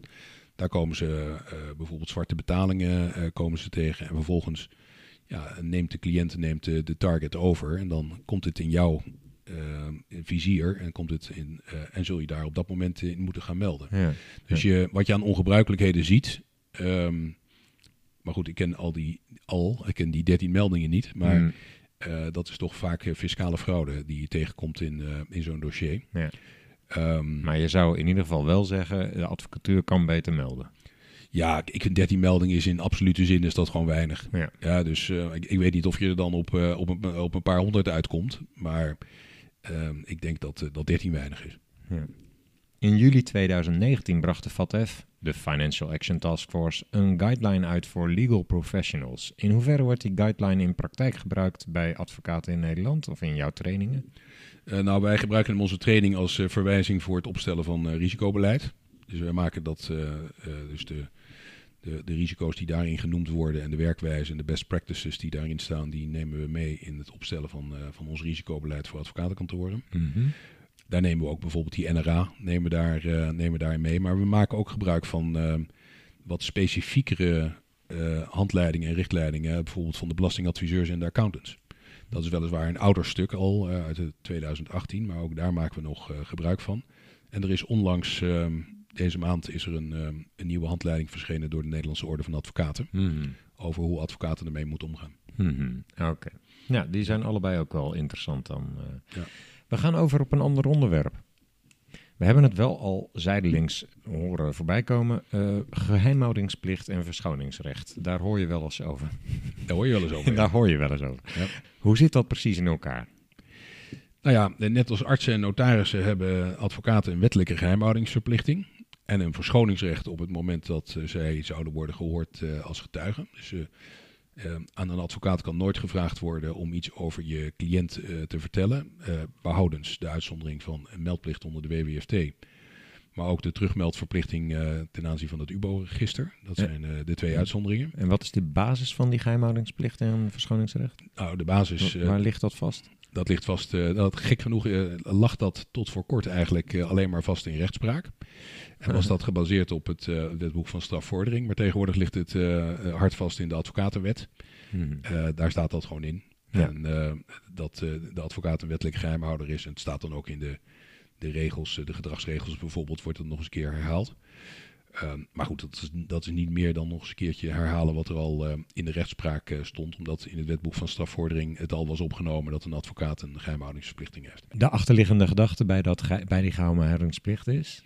Nou, de achterliggende gedachte is dat ehm, ja, eh, als je eigenlijk verder niks meer hebt als, als cliënt, moet je toch altijd nog een vertrouwensman, vertrouwensvrouw hebben. met wie je je juridische positie kunt bespreken en je daarover kunt laten adviseren. Waarbij het belangrijk is om te weten dat het merendeel van de rechtszaken tegen de overheid is. Dus eh, de overheid moet niet uiteindelijk dan zeggen, weet je wat, ehm, ik begin een strafzaak tegen jou bijvoorbeeld. Ehm, dan wil ik ook nog eens even weten hoe jouw strategie in die strafzaak zal zijn eh, die je met je advocaat bespreekt. Nou, dat is wel heel erg platgeslagen. Maar eh, het, een onafhankelijke positie van de advocaat, ehm, eh, die partijdig eh, bezig is eh, voor, zijn, voor zijn cliënt, rechtsbijstand verleent aan die cliënt, is in een democratische samenleving gewoon ongelooflijk belangrijk, zodat iedereen ja, op basis van de grondrechten en het EVRM uiteindelijk altijd een verdediging kan hebben tegen de staat die achter hem aankomt. Als ik een crimineel ben en ik heb een moord gepleegd, dan kan ik me heel goed voorstellen die, dat die geheimhoudingsplicht van belang is. Als ik een eh, bedrijf heb en ik wil mijn eh, vermogen wegsluizen of zo, en ik, eh, waarom, heb, waarom heeft een advocaat dan ook geheimhoudingsplicht? Vind je dat terecht? Is het voor alle typen dienstverlening terecht dat er een geheimhoudingsplicht is? Nou, kijk, er is een verschil tussen het, het, het vernemen van je cliënt dat hij dat aan het doen is, of eraan meewerken. Ja? Mhm. Dus op het, onze beroepsregels die zeggen op het moment dat een cliënt zegt, assisteer mij erbij eh, dat ik mijn eh, vermogen wegsluis, eh, dan zeg je als advocaat, daar doe ik niet aan mee. En het enkele feit dat je dat weet, daar hebben we gewoon een keuze in gemaakt. Wil nog niet zeggen dat je dan vervolgens de politie moet bellen omdat jij dat weet over je cliënt. Eh, de geheimhoudingsplicht is overigens niet absoluut. Hè? Op het moment dat een cliënt tegen jou zegt: Ik ga nu die wederpartij vermoorden. Eh, dan eh, eh, is de praktijk dat je dan contact opneemt met de deken. Dat de deken een heel klein lijntje heeft met het Openbaar Ministerie. En dat er onmiddellijk actie door de politie en justitie op wordt genomen als er gevaar dreigt. Ja. En, maar we hebben ervoor gekozen om te zeggen dat als een cliënt, als een advocaat weet dat een cliënt strafbare feiten heeft begaan. ehm, en dat kunnen financiële strafbare feiten zijn. Maar een advocaat weet in een strafzaak vaak ook meer dan het OM en meer dan de rechter. Hm. eh, omdat de cliënt hem dat toevertrouwd heeft. Ehm, dat dat gewoon heel belangrijk is om een goede verdediging te kunnen voeren eh, binnen de kaders van de wet. Dus je zegt die geheimhoudingsplicht is terecht voor alle type dienstverlening die een advocaat biedt. Die is eh, heel terecht voor alle type dienstverlening die een advocaat biedt. En de uitzonderingen die er zijn, dat zijn er eigenlijk op grond van de WWFT, op grond van het feit dat je niet mag meewerken aan, aan de criminele activiteiten van de cliënt zelf. Hè, want moment dat er bijvoorbeeld huiszoeking eh, wordt gedaan eh, bij de cliënt, hè, en soms wordt er ook huiszoeking gedaan bij een advocaat eh, op zijn kantoor, en wordt er een dossier van de cliënt in beslag genomen, Nou, dat, en dat gebeurt echt wel eens. In mijn tijd dat ik deken was, gebeurde dat in Nederland gemiddeld één keer per maand. Dat er huiszoeking gedaan werd bij Hmm. een advocaat. En dan heb je het verschil tussen eh, de cliënt die verdachte is of de advocaat die medeverdachte is of zelfverdachte is. Ja, en dan op dat moment kan het zo zijn dat eh, na toetsing eh, en betrokkenheid van de deken, dat is een vrij lang proces van selectie van documenten, dat er wordt gezegd van luister, ehm, de documenten die hier in beslag genomen zijn, die zijn, hebben geholpen bij het strafbare feit. Daar is de advocaat ook bij betrokken geweest en dan wordt de geheimhouding opzij gezet en gaan die stukken naar het, straf, het strafrechtelijk onderzoek toe. Nou, het lijkt me ook wel lastig om dat onderscheid te maken van buitenaf in ieder geval. Wanneer is een advocaat nou alleen eh, op de hoogte van wat er gebeurt en wanneer raakt hij erbij betrokken? Dat, dat lijkt mij een heel grijs gebied. Mijn ervaring is met dat soort zaken dat het Openbaar Ministerie die is bezig met een onderzoek. En dat onderzoek, daar zal eh, de mogelijke betrokkenheid van een advocaat uit blijken. Daar acteert het Openbaar Ministerie eh, acteert erop. En soms komt daar wat uit en soms komt daar niet iets uit. Ja, dus ehm er moeten natuurlijk, maar dat geldt niet alleen voor een advocaat, maar ook voor een particulier. Er moeten altijd voldoende aanwijzingen zijn om de staatsmacht over die particulier heen te laten rollen. Ehm, en ervoor te zorgen dat, die, eh, dat er stukken in beslag genomen moet worden, dat iemand gearresteerd mag worden, dat er, ehm, dat er dus machtsmiddelen kunnen worden ingezet. En daar, is, daar wordt er, eh, zoals ik je er straks al zei, eh, ja, tegenwoordig wat minder terughoudend in opgetreden door het Openbaar Ministerie dan vroeger. Ja, ja. Dus daar is nog wel een wereld te winnen weer voor de advocatuur. Nou, ik weet niet of daar een wereld te winnen is. ehm, maar er is bijvoorbeeld de discussie wel eens van ja, advocaten die misbruiken dat, ehm, eh, dat geheimhouding, die geheimhoudingsverplichting en dat verschoningsrecht om die cliënten in te dekken. En dan wordt er vaak bijvoorbeeld het voorbeeld genoemd dat eh, er wordt in de boardroom van een bedrijf wordt een advocaat in de hoek gezet en dan valt eh, alles wat in die boardroom wordt besproken onder de geheimhoudingsverplichting. Nou, dat is gewoon niet zo. Nee. En op het moment dat daar de deken of het Openbaar Ministerie achterkomt, dan wordt dat gewoon gekwalificeerd als misbruik van het verschoningsrecht. Dus dan ben je er strafrechtelijk heb je een probleem, dan heb je tuchtrechtelijk een heel dik probleem. Hm. Ehm, want ehm, eh, tuchtrechtelijk word je dan echt gezien als een advocaat die niet integer heeft gehandeld. Mhm, mhm. Eh, dat is misschien goed om te melden dat eh, in, in het tuchtrecht zijn er eigenlijk twee soorten problemen. Je hebt ofwel een bedrijfsongeval, omdat je een fout maakt. Je laat een Mhm. termijn verlopen of iets dergelijks. Of je bent niet integer geweest. Nou, als je niet integer bent geweest als advocaat, Dan heb je een behoorlijk dan zijn de, de rapengaar eh, ook bij de tuchtrechter en bij de deken. Daar gaan we straks nog verder op in. Maar het is wel een redelijk bruggetje naar mijn volgende vraag. Want ik wil het al eh, langzamerhand over toezicht gaan hebben. In hoeverre heeft het verschoningsrecht in de advocatuur invloed op de wijze waarop toezicht op de advocatuur is ingericht? Ik denk ehm, eh, niet, eh, was mijn antwoord. Want ten overstaan van de toezichthouder, en dat is bij ons is dat de deken, heeft de advocaat geen verschoningsrecht. Maar het is wel zo ingericht dat anderen daar niet bij kunnen. Bijvoorbeeld de, de opsporingsdienst. Nou ja, dus zoals ik net zei, op het moment dat er huiszoeking wordt gedaan bij een advocaat, dan is de praktijk ook dat, bij wijze van spreken, dat dossier of de hele computersysteem van het advocatenkantoor zelfs, is wel eens gebeurd, wordt dan meegenomen. En dan moet de deken betrokken zijn bij de selectie eh, van eh, stukken die naar het eh, strafrechtelijk onderzoek kunnen gaan. Nee. Maar het is niet zo dat een, het Openbaar Ministerie zomaar bij een advocatenkantoor kan binnenrollen en zeggen: Ik neem even dit in beslag en ik ga het even doorbladeren of ik het nuttig vind. Ja, dan wel nee. Mhm. Maar dat kunnen ze bij, bij andere partijen ook niet. Er zal altijd ofwel een, een machtiging van de officier van justitie ten grondslag moeten liggen aan wat de politie doet, of een machtiging van de rechtercommissaris, Mhm. waarbij uitgelegd wordt: ik ga nu naar dat bedrijf toe, want ik verdenk dat bedrijf van strafbare feiten en ik wil stukken daar in beslag nemen. Maar belangrijk is wel te melden dat dus de deken een af, afgeleide geheimhouding heeft. Die is ook in de, in de wet vastgelegd. En dat betekent ook dat de deken als toezichthouder, daar kan een advocaat nooit tegen zeggen, eh, deken, ik laat je het niet zien. Eh, sterker, er staat in de wet, maar ook in de gedragsregels staat duidelijk dat, en daar is veel over geprocedeerd, dat de deken eigenlijk alles aan een advocaat mag vragen en dat de advocaat op alles moet antwoorden. Mhm. Dus er zijn eh, bestuursrechtelijke procedures geweest, eh, kort gedingen, civielrechtelijke procedures tegen de deken door advocaten. Over vragen die de deken stelde. En eh, ja, natuurlijk moet er het, de toezichthouder op een manier als een keurige toezichthouder optreden. Maar in beginsel gaat die bevoegdheid heel ver om, eh, om stukken bij advocaten op te vragen. Mhm. Hmm. Oké, we hebben het nog over toezicht nu vanuit de invalshoek geheimhoudingsplicht. Hè? Dat, was, eh, dat was eigenlijk de vraag. We gaan het straks nog wat uitgebreider over dat toezicht hebben, hoe dat ingericht is. Ik wilde daarvoor nog weten over die geheimhoudingsplicht. Is dat afgeleid misschien ook van toepassing op een bank die een ongebruikelijke transactie van een advocaat ziet? Kan die bank zomaar melden bij de FIU of moet die zich ook aan die geheimhoudingsplicht houden? Oh, wacht even. Een FIU-melding moest een advocaat doen die ging boven de uh, geheimhoudingsplicht, zei je eerder. Ja, ja nee, er is een, een wettelijke uitzondering op de geheimhouding gemaakt zodat de advocaat kan melden.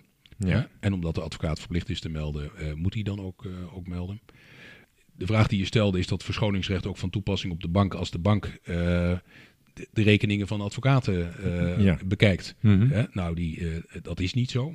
Nee. Um, iedere WWFT-dienstverlener heeft zijn eigen verplichtingen. Dus als een bank een ongebruikelijke transactie bij een advocaat voorbij ziet komen, lijkt mij dat de bank dat zelfstandig moet melden. Mm -hmm. Wat er in de praktijk wel gebeurt, ehm, en ik vind dat onhandig, eerlijk gezegd, van, van banken, is dat ze uh, vragen stellen over uh, wat, er aan de, uh, wat er op de rekening van een advocaat gebeurt. Ja, en als ze dan bij voorbaat weten dat dat om cliëntengegevens gaat, dan weet je als bank ook wel wat het antwoord zal zijn. ja, dus, Valt onder mijn geheimhoudingsplicht. Ja, ja nou, maar goed, wat dan de route is. Hè, ik bedoel, op het moment dat je als bank echt ziet, dit is niet kosher wat mm -hmm. daar over die bankrekening heen gaat. Mm -hmm. Uh, en ik, ik vermoed dat daar sprake is van onregelmatigheden. Dat zou wel eens ongebruikelijk kunnen zijn. Uh, ja, dat je dan de deken erbij betrekt. Hè? Want ook de deken zal dan als toezichthouder, en dat gaat hij echt wel doen, op het moment dat de bank een melding doet, uh, uh, zal de deken bij de advocaat gaan kijken of het, of het goed of fout was. En zal de deken als toezichthouder melding doen aan de bank of het goed of fout was. Okay. zonder eventueel de specifieke gang van zijn reden ja. te geven. Mm -hmm. En je mag er dan ook vanuit gaan, als die deken dan tuchtrechtelijk verwijtbare dingen tegenkomt, dat hij tuchtrecht inzet. En op het moment dat hij strafbare feiten tegenkomt, dat hij ook gewoon aangifte doet tegen die advocaat. Ja, maar voor een bank blijft in ieder geval wel geldig. Ik zie iets ongebruikelijks, ik ga het melden. Ja. Heb ik er vragen over, dan, dan uh, vraag ik de deken. Ja, wat we, wat we wel zien, hebben zien gebeuren is dat uh, de bank het aan de advocaat vraagt. En dat dan de advocaat zegt, ja sorry, maar ik kan daar gelet op mijn geheimhouding niks over zeggen. Mm -hmm. En als u blijft twijfelen, uh, laten we dan de deken inschakelen om het hier bij mij te komen controleren. Juist, duidelijk. Ja. Kan een opsporingsinstantie gegevens van een derde geldenrekening of een zakelijke rekening van een advocaat vorderen bij een bank? Ja, maar ook daar geldt weer die, uh, die procedure voor die afgesproken is. Er is een handleiding voor hoe het OM daarmee omgaat. Dus uh, het kan gewoon in beslag genomen worden. En uh, dat wordt dan over het algemeen bewaard bij de rechtercommissaris of bij de deken. Meestal de rechtercommissaris, want de deken vindt dat ook gevoelige informatie die hij het liefst niet uh, in zijn eigen kluis wil hebben.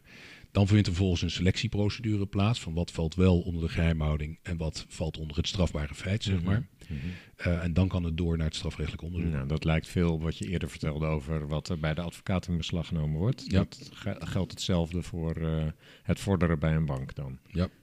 We gaan het nu hebben over toezicht en, uh, en sanctionering. En nou is er een beetje een uh, ongebruikelijke situatie gaande. Uh, we gaan het hebben over de advocaat en we hebben het al over de deken gehad en dergelijke. Maar we weten inmiddels ook dat er al een proces in gang gezet is om daar verandering in te brengen. Nou is mijn benadering voor dit stukje waar we het nu over gaan hebben, dat we eerst bespreken hoe de huidige situatie is met die deken om vervolgens de, de, de enige wijzigingen die dan in dat voorstel van de Tweede Kamer staan ook nog even te behandelen. Maar dan weet de luisteraar, de overige zaken blijven dus ongeveer zoals het nu is. Ja, dus. Dat lijkt me een mooi uitgangspunt, toch? Prima. Oké. Okay. Hoe zit dat in elkaar? Die deken. Wat is de verhouding van een advocaat met een deken? Wat is de rol van die deken en de bevoegdheden precies? Ja, goed. De deken is de, is de enige toezichthouder. Ja, dus de deken die... Um, uh, behandelt klachten van cliënten, van derden, kan ook van het Openbaar Ministerie zijn of van de rechtbank. Uh, die onderzoekt die, dus hij heeft de functie van onderzoeker, maar hij heeft ook de functie van uh, zeg maar aangever van klachten bij de Raad van Discipline. Mm -hmm. nou, de Raad van Discipline is een onafhankelijk tuchtcollege. De voorzitter is altijd een rechter. De rest van de leden zijn advocaten. In hoger beroep is de meerderheid is professioneel rechter. Dus als het gaat om tuchtrecht, komt dat bij die tuchtcolleges terecht. Dat zal in de toekomst ook, uh, ook niet veranderen. Wat de deken concreet doet, is dat de deken uh, toezicht houdt proactief, reactief. Hè. Proactief is dus thematisch bijvoorbeeld. Eh, zoals er op eh, de afgelopen jaren door de dekens eh, gezamenlijk eh, eh, thema-onderzoeken op het gebied van de WWFT bij advocatenkantoren zijn gehouden. Dat zijn intensieve onderzoeken geweest. Eh, ik, weet, eh, ik weet van, eh, van hoe dat eh, gegaan is. Nou, dat dan komen ze toch wel een paar dagen eh, zo'n kantoor eh, checken. Ehm, en ehm, reactief is natuurlijk van als er een incident is, dan reageert eh, de deken daarop. Ehm, en dat, eh, dus dat is de manier waarop een deken eh, toezicht houdt op dit moment. En de deken is ook de toezichthouder op het gebied van de WWFT. Nou, wat, eh, wat eh, zoals ik zei, een deken reageert op, eh, op incidenten die voorbij komen. Dat kan uit klachten komen van eh, cliënten. Ja, dan zeggen we, wat gebeurt er hier bij dit kantoor? Daar wil ik eens naar gaan kijken. Mhm. Ehm, en dan eh, is over het algemeen de weg dat een, kantoor, dat een kantoor wordt bezocht door de deken en de medewerkers van de deken. En tegenwoordig ook de unit financieel toezicht die, eh, die er ook is voor de gezamenlijke dekens. Ehm, en kan, heeft een vrij breed spectrum van, eh, van middelen en mogelijkheden om dat toezicht te gaan houden. Ook omdat die advocaat aan al die verzoeken van de deken moet meewerken. Dus als een deken zegt, doe mij eens even dat dossier. Doe mij eens even eh, de- bankafschriften eh, over deze kwestie. Dan kan de advocaat niks anders dan dat gewoon te leveren. Mhm. Ehm, Maar die deken heeft ook weer een geheimhoudingsplicht richting die advocaat van ik mag niet vertellen welke klant daarover geklaagd heeft. En heeft die deken ook een geheimhoudingsplicht richting de klant over wat hij Ja. aantreft bij die advocaat? Dat laatste wel, dat eerste niet. Eh, Ik bedoel, de deken moet wel transparant zijn in waar eh, zijn startinformatie vandaan komt, Ja. natuurlijk. Eh, richting de, degene die beklaagd wordt en die onderzocht wordt. Maar eh, de klant zelf, die eh, eh, eh, zijn, als het gaat om, het- om een klacht zelf, wordt hij natuurlijk wel betrokken in de klachtprocedure. Mhm. En ook bij de tuchtrechter. Maar wat daar vaak uitkomt, of vaak wat daar wel eens uitkomt, is een, zeg maar een afgeleide eh, onderzoek van de deken. Omdat er iets mis is bij dat kantoor. Eh, en dan wordt de klant zelf niet meer betrokken, omdat dat een zelfstandig toezichtonderzoek van de deken zelf is. Juist. En wat kan die dan doen? Dan kan hij een zogenaamd dekenbezwaar voorleggen aan de onafhankelijke tuchtrechter. Eh, dat is, dat is een, een, een middel dat de deken heeft. Mhm. En een middel wat de deken ook heeft, en dat is ook zeer effectief, is gewoon het stilleggen van de praktijk. Op grond van de advocatenwet.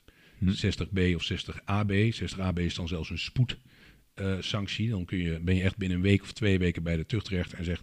het is daar zo'n eh, toestand bij dat kantoor. Ik wil dat je onmiddellijk die praktijk stillegt. Mhm. En bijvoorbeeld een waarnemer aanstelt om eh, dat kantoor verder te draaien in het belang van de, van de cliënten. Cliënt, ja. Dus eh, dat is eh, hoe, het, hoe het toezicht op de advocatuur op dit moment geregeld is. Wat belangrijk daarin is, is dat ze de dekens de afgelopen tien jaar ongeveer heel veel convenanten met partners in het veld hebben gesloten. Dus met de rechtbank, de Raad voor Rechtsbijstand, met de IND bijvoorbeeld. Ehm, en die leveren allemaal signalen aan de dekens aan van er is iets mis met dit kantoor. Mhm.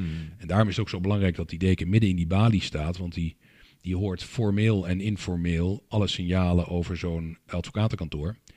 En in mijn, in mijn ervaring was het altijd zo dat als er iets, iets serieus mis was met een advocatenkantoor, dan hoorde ik het van drie of vier kanten. Mhm. Dan hoorde ik het van een cliënt die aan het klagen was, Mhm. dan hoorde ik het van de rechtbank, dan hoorde ik het van de, de Raad voor Rechtsbijstand. Eh, en dat kwam allemaal bij elkaar en dat eh, was natuurlijk dan de start van je, van je onderzoek. Ja. ja. Je, je bent zelf ook deken geweest, meen ik. Ja, ja, ik ben deken geweest in Den Haag eh, van 2012 tot 2015. Ja. Ehm, ja, en heb dan eh, eh, in die tijd natuurlijk veel van dit soort onderzoeken gedaan. Ja, en, en ehm, heeft elk arrondissement één deken of is dat een clubje van meerdere advocaten? Nee, nee, elk arrondissement heeft een deken. En elk arrondissement heeft ook een bureau van, de orde, van de lokale orde van advocaten. Dus ehm, eh, we hebben elf dekens, eh, elf bureaus. En die eh, bureaus die, die zijn in grote arrondissementen natuurlijk groter. Ik geloof dat de Amsterdamse orde van advocaten 30 medewerkers heeft. In Den Haag bij ons zijn dat er ongeveer 10. En in kleine arrondissementen zijn dat er minder. Hm. En wat zeer effectief is in het toezicht, is dat die dekens die komen elke maand bij elkaar, allemaal. Dus die reizen allemaal, ik geloof dat ze in Utrecht bij elkaar komen nog steeds. Reizen bij elkaar en bespreken het toezicht voor het hele land. Ja, ja. Ehm, dus dat, eh, dat hele systeem is, is eh, soepel en effectief, zeker op het gebied van tuchtrecht, omdat je heel veel kunt. Ehm, en, eh, en ook ehm, eh, heel veel weet. Je kennispositie is vrij sterk en je, je zit als deken heel dicht op de advocatuur. En met de mensen die bij die bureaus werken, is het ook zo dat je, ja, dat je echt heel veel toezichthouders, feitelijke toezichthouders hebt per advocaat. Mhm. Ja, je beschrijft een aantal ehm, waarborgen zeg maar, voor een goed functionerend systeem. Ja. Maar als ik het vergelijk met bijvoorbeeld de financiële sector, waarbij er een toezichthouder is die toch redelijk eh, streng optreedt en gezien kan worden misschien als meer onafhankelijk. Hoe onafhankelijk is dit en is dat een belemmering voor eh, het toezicht? Nou, dat is een, een, ja, dat is een, een ac- actuele discussie, is dat, van hoe onafhankelijk eh, is dit? Ik bedoel, ja, dan moet je het, het, het, het vak begrijpen. En dat eh, mis ik toch soms wel eens in de, in de discussie. Ik bedoel, de, ehm, de deken eh, wordt gekozen in een democratisch proces in zijn eigen orde van advocaten. En dat is schijnbaar wat imperfect. En ik zou zeggen, die imperfectie die zou je moeten verbeteren. Ik bedoel, eh, als je dat, die verkiezing eh, onafhankelijker zou kunnen maken, dan moet je dat eh, vooral doen. Maar het is niet alsof je daarmee een probleem oplost. Want op het moment dat iemand deken wordt, eh, voelt hij als geen ander een enorme verantwoordelijkheid om dat te doen. Hij is daarvoor gekozen om dat te doen. Je, wordt, je ligt onder een vergrootglas. Je wordt bekeken in eerste instantie door je eigen bureau. Ik heb als deken wel meegemaakt, want dat bureau is net als een ministerie. Die zitten er al jarenlang. Die doen het eigenlijke werk. Hè, dus laten we alsjeblieft eh, de deken niet al te belangrijk maken. Want eh, ik heb mij regelmatig teruggefloten door de, de medewerkers van mijn bureau. Die zeiden van nou, dat, eh, dat werkt zo niet. Dat, dat werkt anders bij ons. En Ja, maar je zou ook kunnen voorstellen dat het, cult, dat het qua cultuur op een gegeven moment ook een beetje navelstarig wordt. Of de slager die zijn eigen vlees kleur- keurt. ja, maar dat is, dat is altijd het verhaal. Maar het is, Ja. juist, het is juist die grote verantwoordelijkheid van die taak. En het Mhm. onder een vergrootglas liggen van dat bureau. Van het tuchtcollege, het onafhankelijke tuchtcollege. Van de Nederlandse orde, van het dekenberaad. Van al die instanties waar je zo nauw contact mee hebt. Mhm. dat het, eh, eh, en het, het, hele visie daarop is ook van wij zijn eh, dit voor de goede zaak aan het doen en we doen dit onafhankelijk. Dat het nooit een issue is, werkelijk nooit, en daar spreek ik echt veel met dekens over, dat er sprake is van vriendjespolitiek of van je vriendjes voortrekken of, of, of iets dergelijks. Of een, eh, kantoor bevoordelen eh, omdat je dat kantoor toevallig eh, goed kent. Dat is, ik kan mij best voorstellen dat die discussie voor een buitenstaander dat dat een, eh, een issue zou kunnen zijn. En misschien moet je in de toekomst dat eh, verbeteren. eh, dat, je dat, dat een buitenstaander daar nooit over zou kunnen twijfelen eh, daarover. Maar het is, een, het is niet alsof we daarmee een realistisch probleem moeten oplossen. Jij hebt er ervaring mee. Ja. Ehm, nou, zijn, nou is er toch een voorstel eh, uit de Tweede Kamer om een onafhankelijke partij dat toezicht eh, toe te bedelen. Mm, hoe zie je dat? En, en misschien, nee, laten we eerst even hebben over hoe ziet dat voorstel er precies uit. Kun je dat kort toelichten?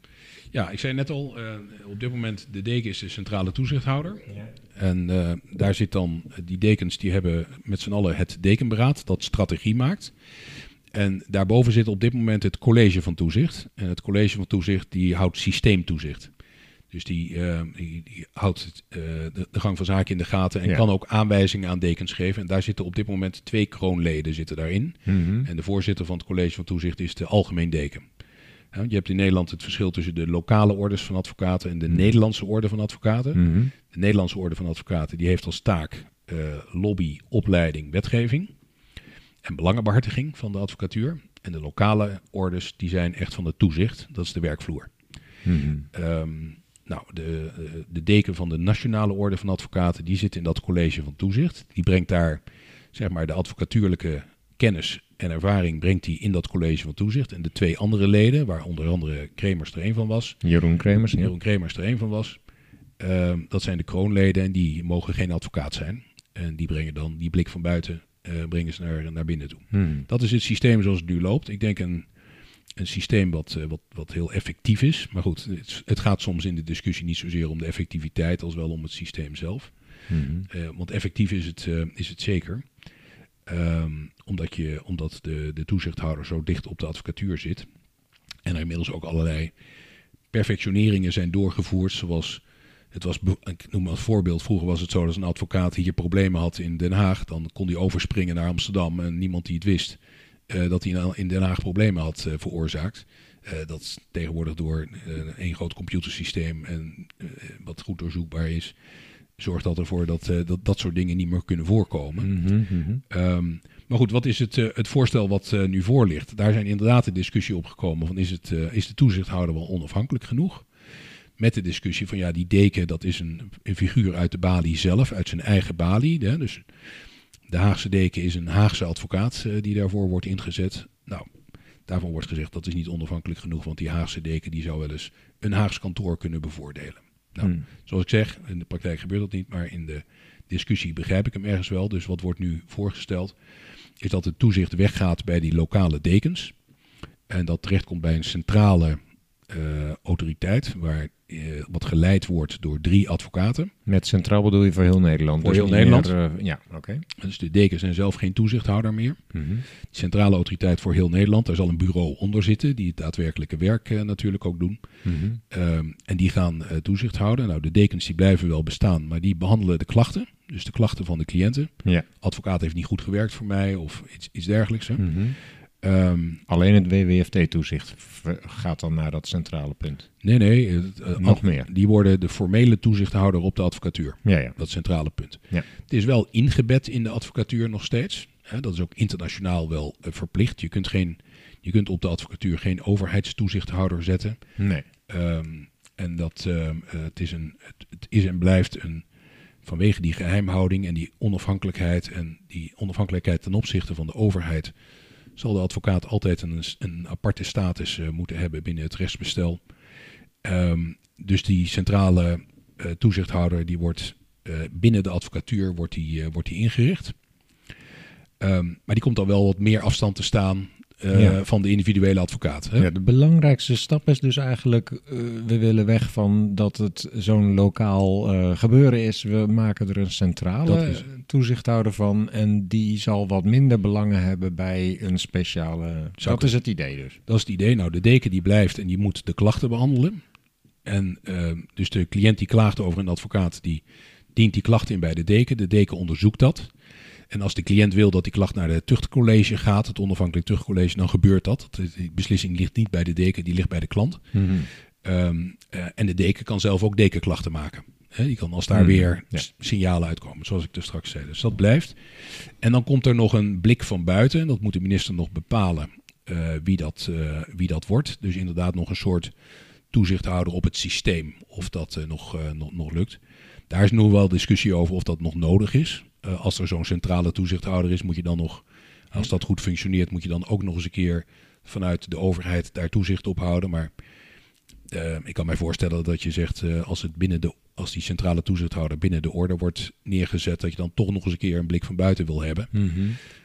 Waar ik erg bang voor ben in die situatie zoals die nu gaat komen, is dat er toch signalen tussen wal en schip terechtkomen straks.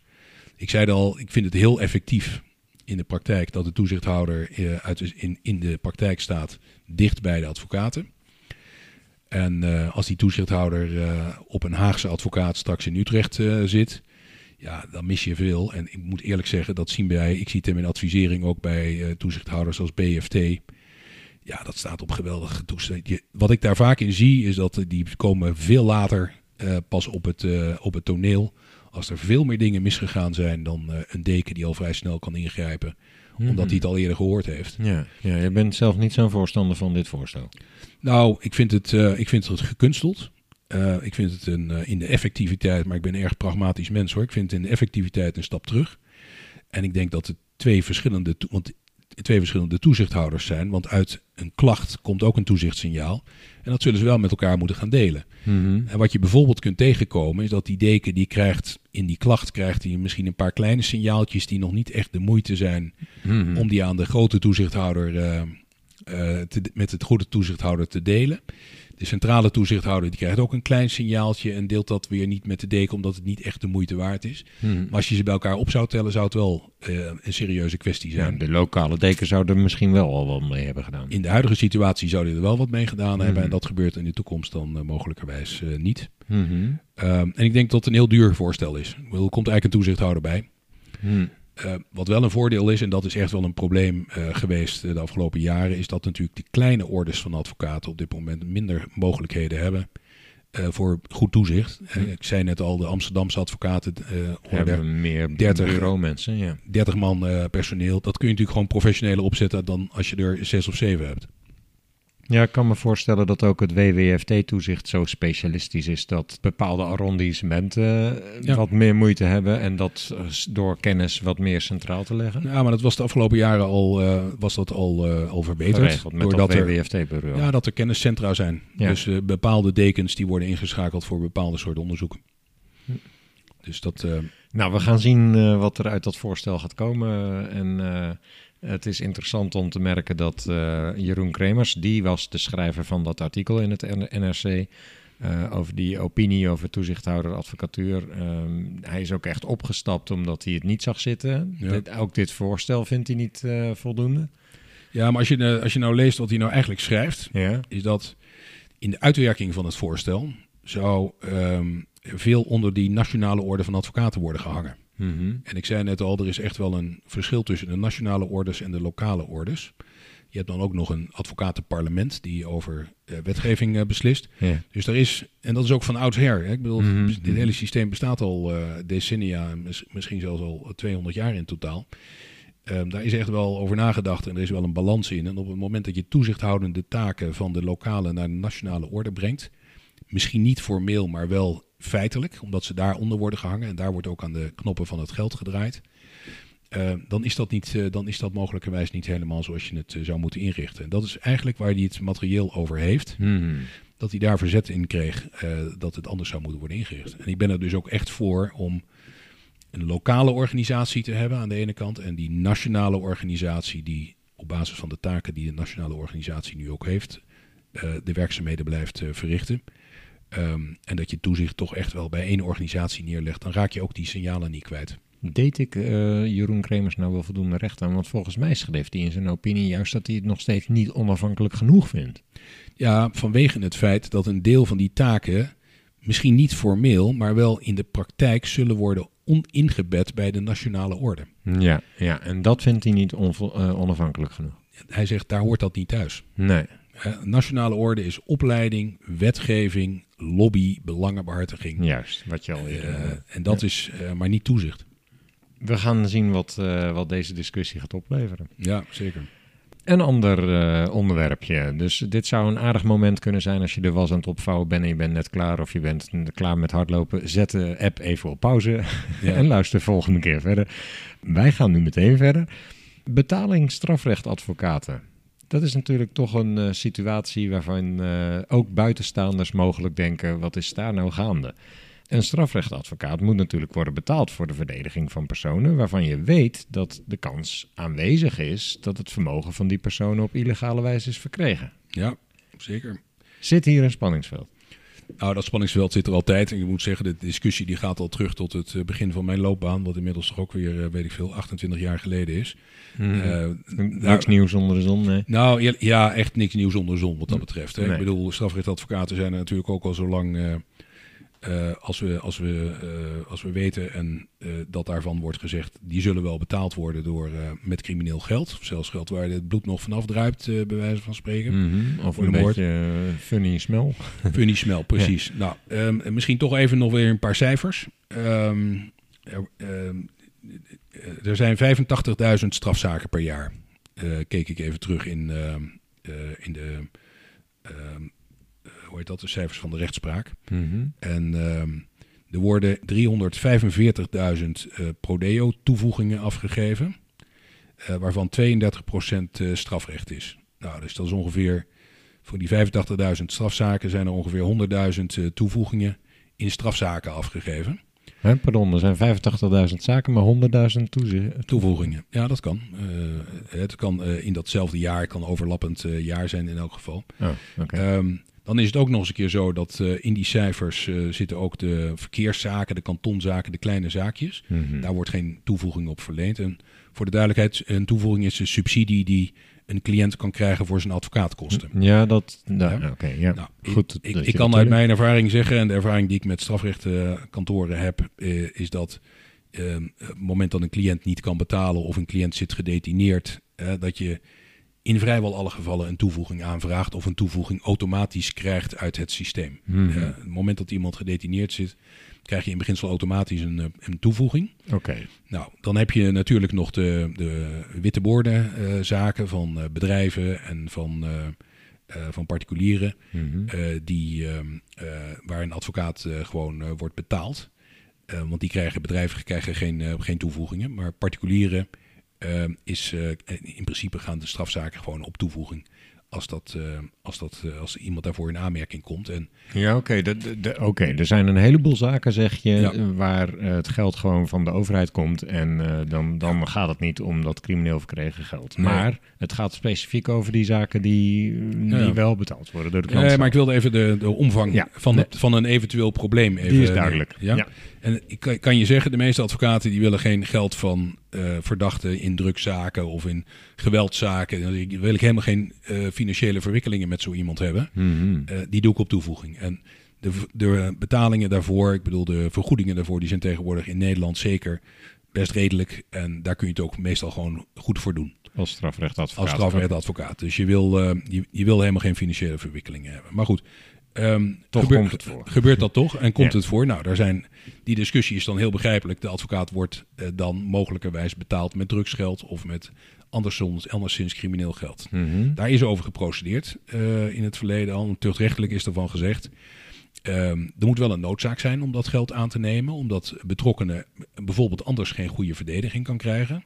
Dat is al best een drempel, want ik zei net al, je kunt ook gewoon een toevoeging krijgen in de meeste gevallen. Mhm. Je kunt zelfs een toevoeging aanvragen op grond van het EVRM. Dat je zegt, iemand komt financieel niet voor een toevoeging in aanmerking, maar rechter, wilt u toch een toevoeging afgeven? Want ehm, eh, mijn cliënt is een, een particulier die een hele grote zaak tegen zich heeft, ehm, maar komt, eh, komt er niet voor in aanmerking. Ehm, en, eh, en dan kun je zelfs nog een toevoeging krijgen. En dan, dan zegt de rechtspraak, als je echt geen toevoeging kunt krijgen en, er, en anderszins kan die cliënt geen advocaat vinden, behalve dan de advocaat te betalen met, eh, eh, eh, met, met geld, Mhm. dan hoeft de advocaat ehm, niet te onderzoeken of dat geld misschien verkregen is door strafbare feiten, mits het gaat om een redelijke vergoeding van de kosten van rechtsbijstand. Mhm. Dus het mag nooit zo zijn dat een advocaat een miljoen eh, aanneemt voor een kleine zaak. Mhm. Eh, dus het moet een redelijk uurtarief zijn, een redelijke vergoeding voor de zaak zijn. Mhm. Ehm, en hij moet echt goed uitleggen dat die, dat die cliënt anders verstoken blijft van rechtsbijstand. En dat in welke gevallen? Daar kan ik me even niet echt direct iets bij voorstellen. Nou ja, dat iemand bijvoorbeeld niet in Nederland woonachtig is. Hè? Kan, ik mij, eh, kan ik mij zo voorstellen. Dan krijg je geen toevoeging, want je bent hier eh, niet ingeschreven. Maar je hebt best wel een serieuze strafzaak aan je broek. Mhm. Ehm, en, eh, en die cliënt heeft ook geen bankrekening. En die, Een cliënt niet, niet woonachtig in Nederland krijgt geen toevoeging van die, krijgt, die krijgt, niet, die krijgt geen toevoeging in ja, Nederland. ja, oké. in Mhm. beginsel. Ook daar zijn weer uitzonderingen op om het, om het te krijgen. Je zult het dus moeten aantonen, en er zijn eigenlijk nauwelijks voorbeelden van in de, in de jurisprudentie, dat een advocaat bijvoorbeeld door het Openbaar Ministerie eh, ervoor wordt aangeklaagd dat hij een zaak heeft gedaan ehm, eh, waarbij hij crimineel geld zou hebben aangenomen om zijn rekening betaald te krijgen. Mhm. Ehm, maar wat we wel zien is dat het Openbaar Ministerie er wel regelmatig wat over schrijft en er wat van vindt. Mhm. En vindt dat die advocaat dat geld niet zou mogen aannemen. Maar het komt eigenlijk niet voor, zeg je. Nou, ik weet niet of het helemaal niet voorkomt, want ik heb daar geen cijfers voor. Maar Nee. ik weet wel dat de, de, eh, in elk geval de doctrine is op het moment dat die cliënt anders verstoken zou zijn van rechtsbijstand. En die Mhm. omstandigheden kunnen natuurlijk heel verschillend zijn. eh, dat hij dan niet hoeft te onderzoeken waar dat geld vandaan komt, waar die voor betaald wordt. Omdat dat gewoon een spanningsveld heeft met eh, het artikel 6 EVRM, waarin staat dat iedereen het recht moet hebben of op, een, op een verdediging. Mhm. Ehm, ja, en als de staat hem dat niet kan bieden, die vergoeding voor die verdediging, dan Mhm. moet hij die verdediging toch kunnen inhuren, mits het gaat om een, eh, een gebruikelijke vergoeding eh, voor de kosten die hij voor moet maken. Ja, ik heb toch wel uit redelijk betrouwbare bron eh, begrepen dat er ook wel strafrechtadvocaten zich gewoon door hun cliënt laten betalen zonder toevoeging en zonder dat er een buitenlandse klant is. Ja, in iedere beroepsgroep Ja. zijn er ongeveer 3% eh, rotte peren. Hè? En, Dus- en wij hebben als orde van advocaten, ook in mijn tijd, hebben we gezegd, eh, op het moment dat het Openbaar Ministerie dat weet, meldt het onmiddellijk bij de deken. Aha, Ik bedoel, en dan pakt de deken, die pakt die advocaat aan. Mhm. Dat is, hè, dus Ja. Wat, je, wat altijd heel irritant was, en ik mag het eh, best wel irritant noemen, Ja, is, eh, in mijn tijd, is dat ja, je verhalen hoort waar er niet op doorgepakt wordt. Ja. Ja, dat je, zo heb ik op een gegeven moment ook eens een keer een, een voordracht gehouden bij de rechters. en gezegd: rechters, als jullie die advocaten voorbij zien trekken en je denkt dat is een slechte advocaat of hij loopt te rommelen of wat dan ook, of je vindt hem zelfs niet in teken, meld het dan bij de toezichthouder, zodat de Mhm. toezichthouder er wat mee kan. Ja. En ik zei al, die toezichthouder in de advocatuur die is vrij flexibel. En eh, die roept gewoon die advocaat bij zich en zegt: Wat, ben je, aan- wat, flik, je, wat flik je nou? En die doet er wat mee. Ik merk aan je toon dat je het eh, dwars zit. Ja. Nou, het zat me wel dwars als er wat wordt geroepen en ook in de, in de pers wordt ge- geschreven. Eh, dat eh, gegeneraliseerd dat de advocaten zich daaraan schuldig zouden maken. Maar we zien het uiteindelijk dus niet terug in de meldingen. Nee, oké. Nou, dat, dat zou dan goed zijn om te melden. Eh, wat ik wel weet is dat er een soort convenant of iets, een afspraak is in de advocatuur dat op het moment dat betaald wordt, dat dat giraal moet gebeuren en dat dat een bepaalde grens niet over mag en, en, en dat er eh, contact worden, moet worden gezocht met de deken. Dat soort regels zijn er toch niet als het eigenlijk zelden voorkomt? Ehm, nou, het, wat eh, de regels zijn, het is ehm, eh, onlangs in een onderzoek door de Amsterdamse deken weer voorbij gekomen, waarbij ik natuurlijk alleen maar als buitenstaander spreek, maar in de verordening op de advocatuur, dus gewoon in de regels staat dat betalingen aan advocaten giraal moeten. Ehm, uitzonderingen daar gelaten, maar eh, de tuchtrechtspraak komt steeds verder in de richting dat het eigenlijk eh, altijd giraal moet en dat je het fout doet als je het niet, eh, als je het niet eh, giraal aanneemt, als je cash aanneemt. Heel even voor mijn zekerheid, hebben we het nu over strafrechtadvocaten alleen of over alle advocaten? Alle advocaten. Alle advocaten, Ja. giraal. Oké. Ja, dus je betalingen vinden giraal plaats. Mhm. En, ehm, en wat uit dat onderzoek van de Amsterdamse deken, die heeft onlangs strafrechtadvocatenkantoren onderzocht. En daar is gebleken dat het toch cash wordt aangenomen. Mhm. Ja, mijn analyse is, want er is niet heel veel over dat onderzoek eh, bekendgemaakt in de buitenwereld. Mijn analyse is dat eh, het misschien ook gaat om kleine bedragen. En dat gebeurt bij advocaten wel eens. Dat, ze, eh, dat iemand een eigen bijdrage op die toevoeging komt betalen van een paar honderd euro. En dat hij dan met cash aan de balie komt. Mhm. En dat advocatenkantoren dat over het algemeen nog aannemen. En wij proberen ze nu op te voeden in die zin dat ook dat niet meer mag. Nee. En zeg je ook gewoon geen cash meer in de advocatuurlijke praktijk. Mhm. Ehm, want dat op basis van de regels eh, mag het niet. Ehm, er is ook een regel, maar die, het zou mij niks verbazen als die in de toekomst eh, wordt aangepast. Dat op het moment dat er jouw kantoor meer dan 5000 euro in of uit gaat, dat je dat niet mag aannemen of betalen eh, voordat je overleg met de deken hebt gehad. Ja. En, ehm, eh, en dat, daar kan een reden voor zijn. Het kan zijn dat een cliënt geen bankrekening heeft. Een asielzoeker of iemand die ehm, hier vast is gezet, maar uit het buitenland komt en geen rekening heeft. En dat je bijvoorbeeld een, ehm, een, een schadevergoeding die is toegekend, dat je die eh, contant zou moeten uitbetalen. Nou, dat zijn echt kwesties waar eh, de deken in eh, gesproken wordt. Maar ook ja, op het moment dat iemand jouw rekening contant wil betalen voor meer dan 5000 euro, moet je overleg voeren met, eh, met de deken. Ja. En wat ik net zei, eh, de regels zeggen inmiddels dat het helemaal niet meer mag. Dus Nee. de deken zal in dat geval ook zeggen, nee, mag niet. Gebeurt niet. ja, ja en, en, en wat ik nu dus van je begrijp is dat die regels voor alle advocaten gelden. En Ja. dat het voor strafrechtadvocaten, zeg jij, eigenlijk nauwelijks voorkomt of niet.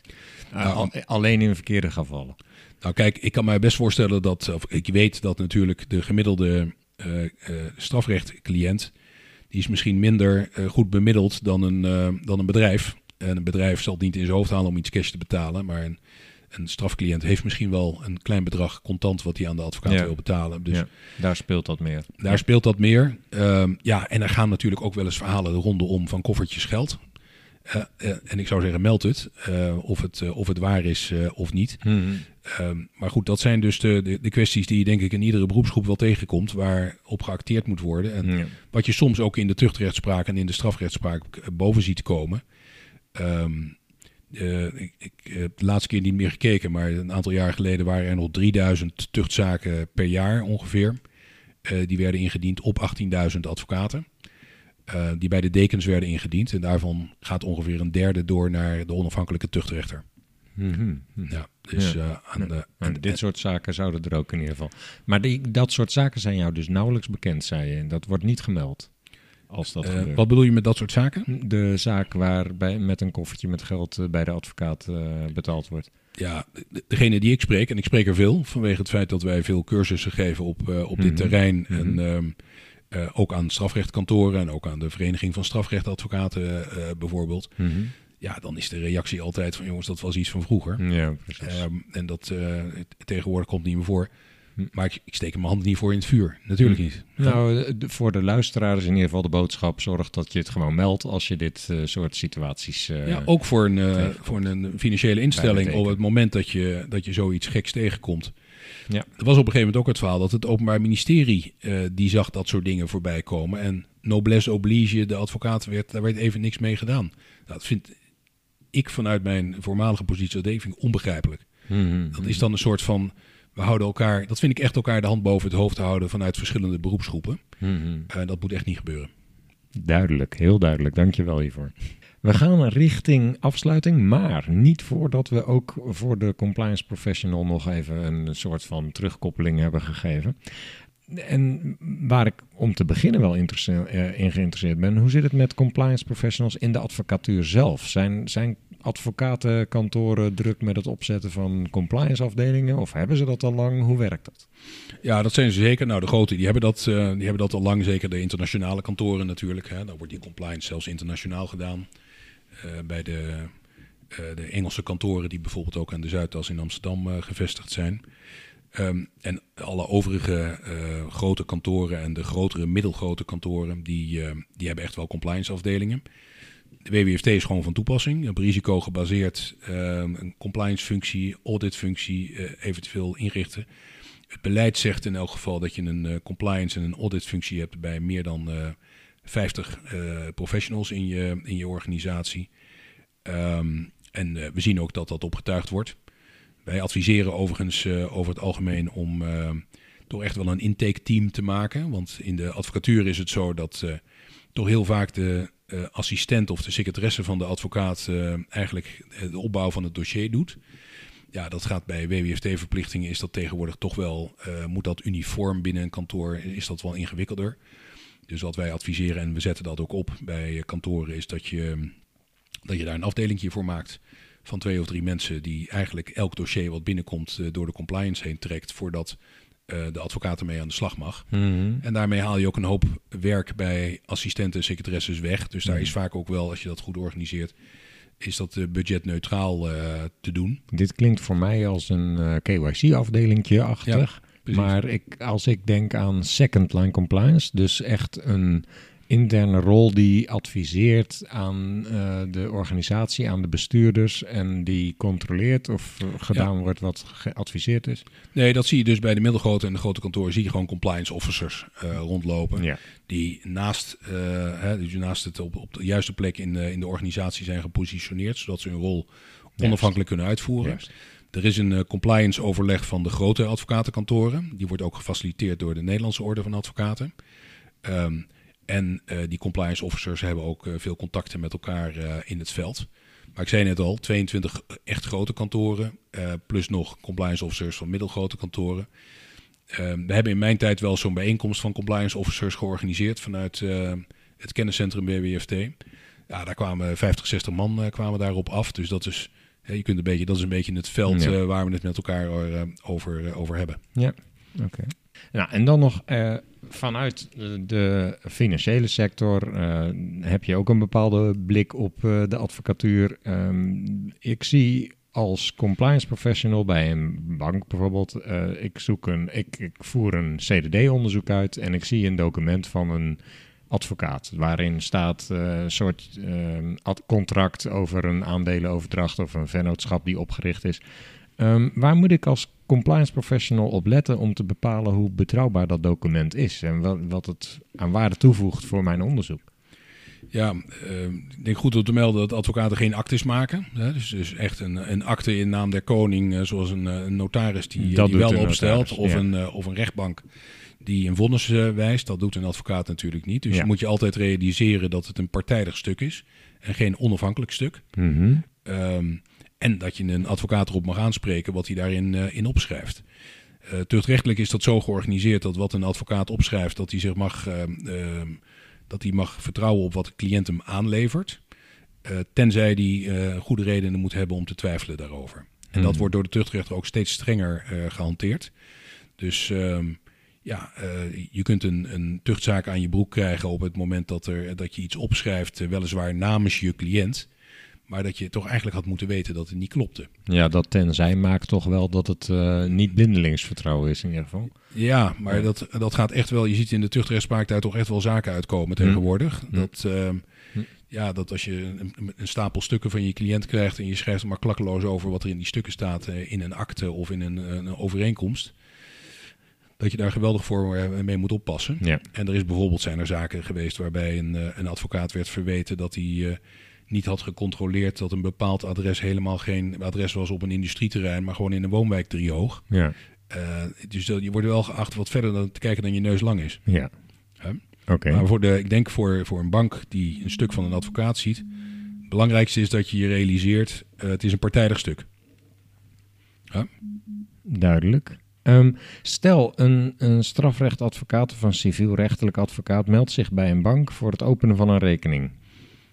We hebben nu heel veel voorbij horen komen in deze podcast. Eh, Wat, wat zou je aanraden aan een compliance professional? Waar, waar moeten we vooral op letten? Nou ja, eh, nogmaals, ik heb gezegd, de, de meeste advocaten die eh, lopen niet tegen de WWFT aan. Wat zie je voorbij komen als bank is natuurlijk gewoon de betalingen van een, van een cliënt, van de rekening van een advocaat. Ehm, maar ik zou in elk geval cash stromen, dus opnames van cash en betalen van cash, dat hoort eigenlijk niet voor te komen met een, bij, een, bij een advocatenkantoor.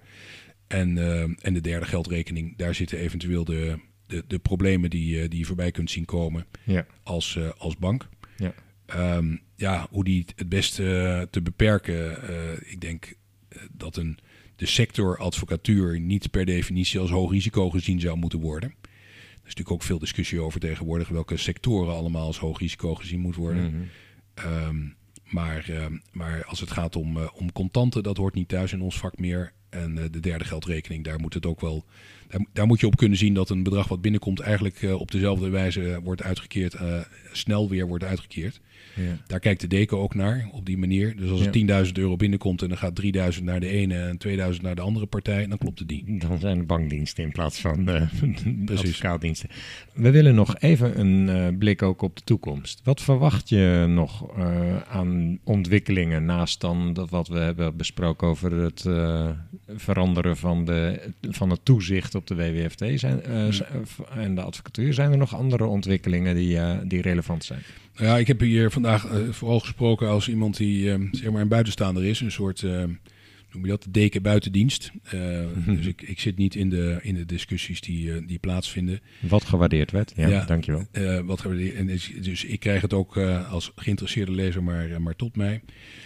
Wat ik op ons af zie komen is ja, toch meer Europese regelgeving. Ik bedoel, krijgen de centrale eh, de autoriteit Europees op het eh, toezicht op de WWFT, de AMLA die opgetuigd wordt. Mhm. Eh, ik heb begrepen dat het een systeemtoezichthouder zal worden. Dus dat de toezichthouder wordt gecontroleerd door die, eh, door die AMLA.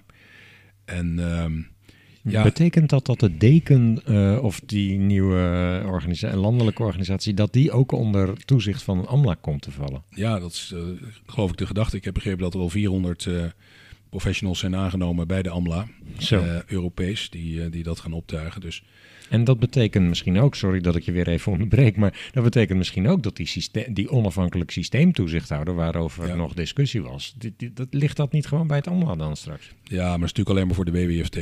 En, eh, dus dat, Ja. Maar dat, zou, dat, dat zie je op ons afkomen. En die richtlijnen worden verordeningen eh, waarschijnlijk in de toekomst om het sneller te implementeren in de Mhm. nationale lidstaten. Als je het hebt Mhm. over de, de WWFT. Ja. Ja, mijn tip is eigenlijk wel, het, ik verbaasde mij een beetje over die wijziging van het toezicht al na acht jaar nadat het vorige systeem was ingevoerd. En het vorige systeem was echt een eh, professionaliseringsslag. Ehm, ja, dus eh, het is natuurlijk altijd zo als je weer een totaal nieuw systeem optuigt, dat, daar, dat je daar ook weer tijd nodig hebt om dat goed te laten lopen. Ja. Ehm, en je hebt in andere terreinen gezien, eh, bijvoorbeeld in de jeugdzorg, dat dat echt schade heeft toegebracht. Dus ik kan bijna zeggen, behoud in elk geval wat er, eh, wat er goed loopt. Ja. eh, en gooi dat niet zomaar weg. Hartelijk dank Bas voor je inzichten en je uitleg en eh, heel veel succes in je Ja. verdere advocatuurwerkzaamheden. Dankjewel Erik, het was, eh, was, was mooi. Dank je. Compliance. We just need your compliance. Je luistert naar Compliance Adviseert. Deskundigen vertellen over compliance en integriteit bij Nederlandse financiële instellingen.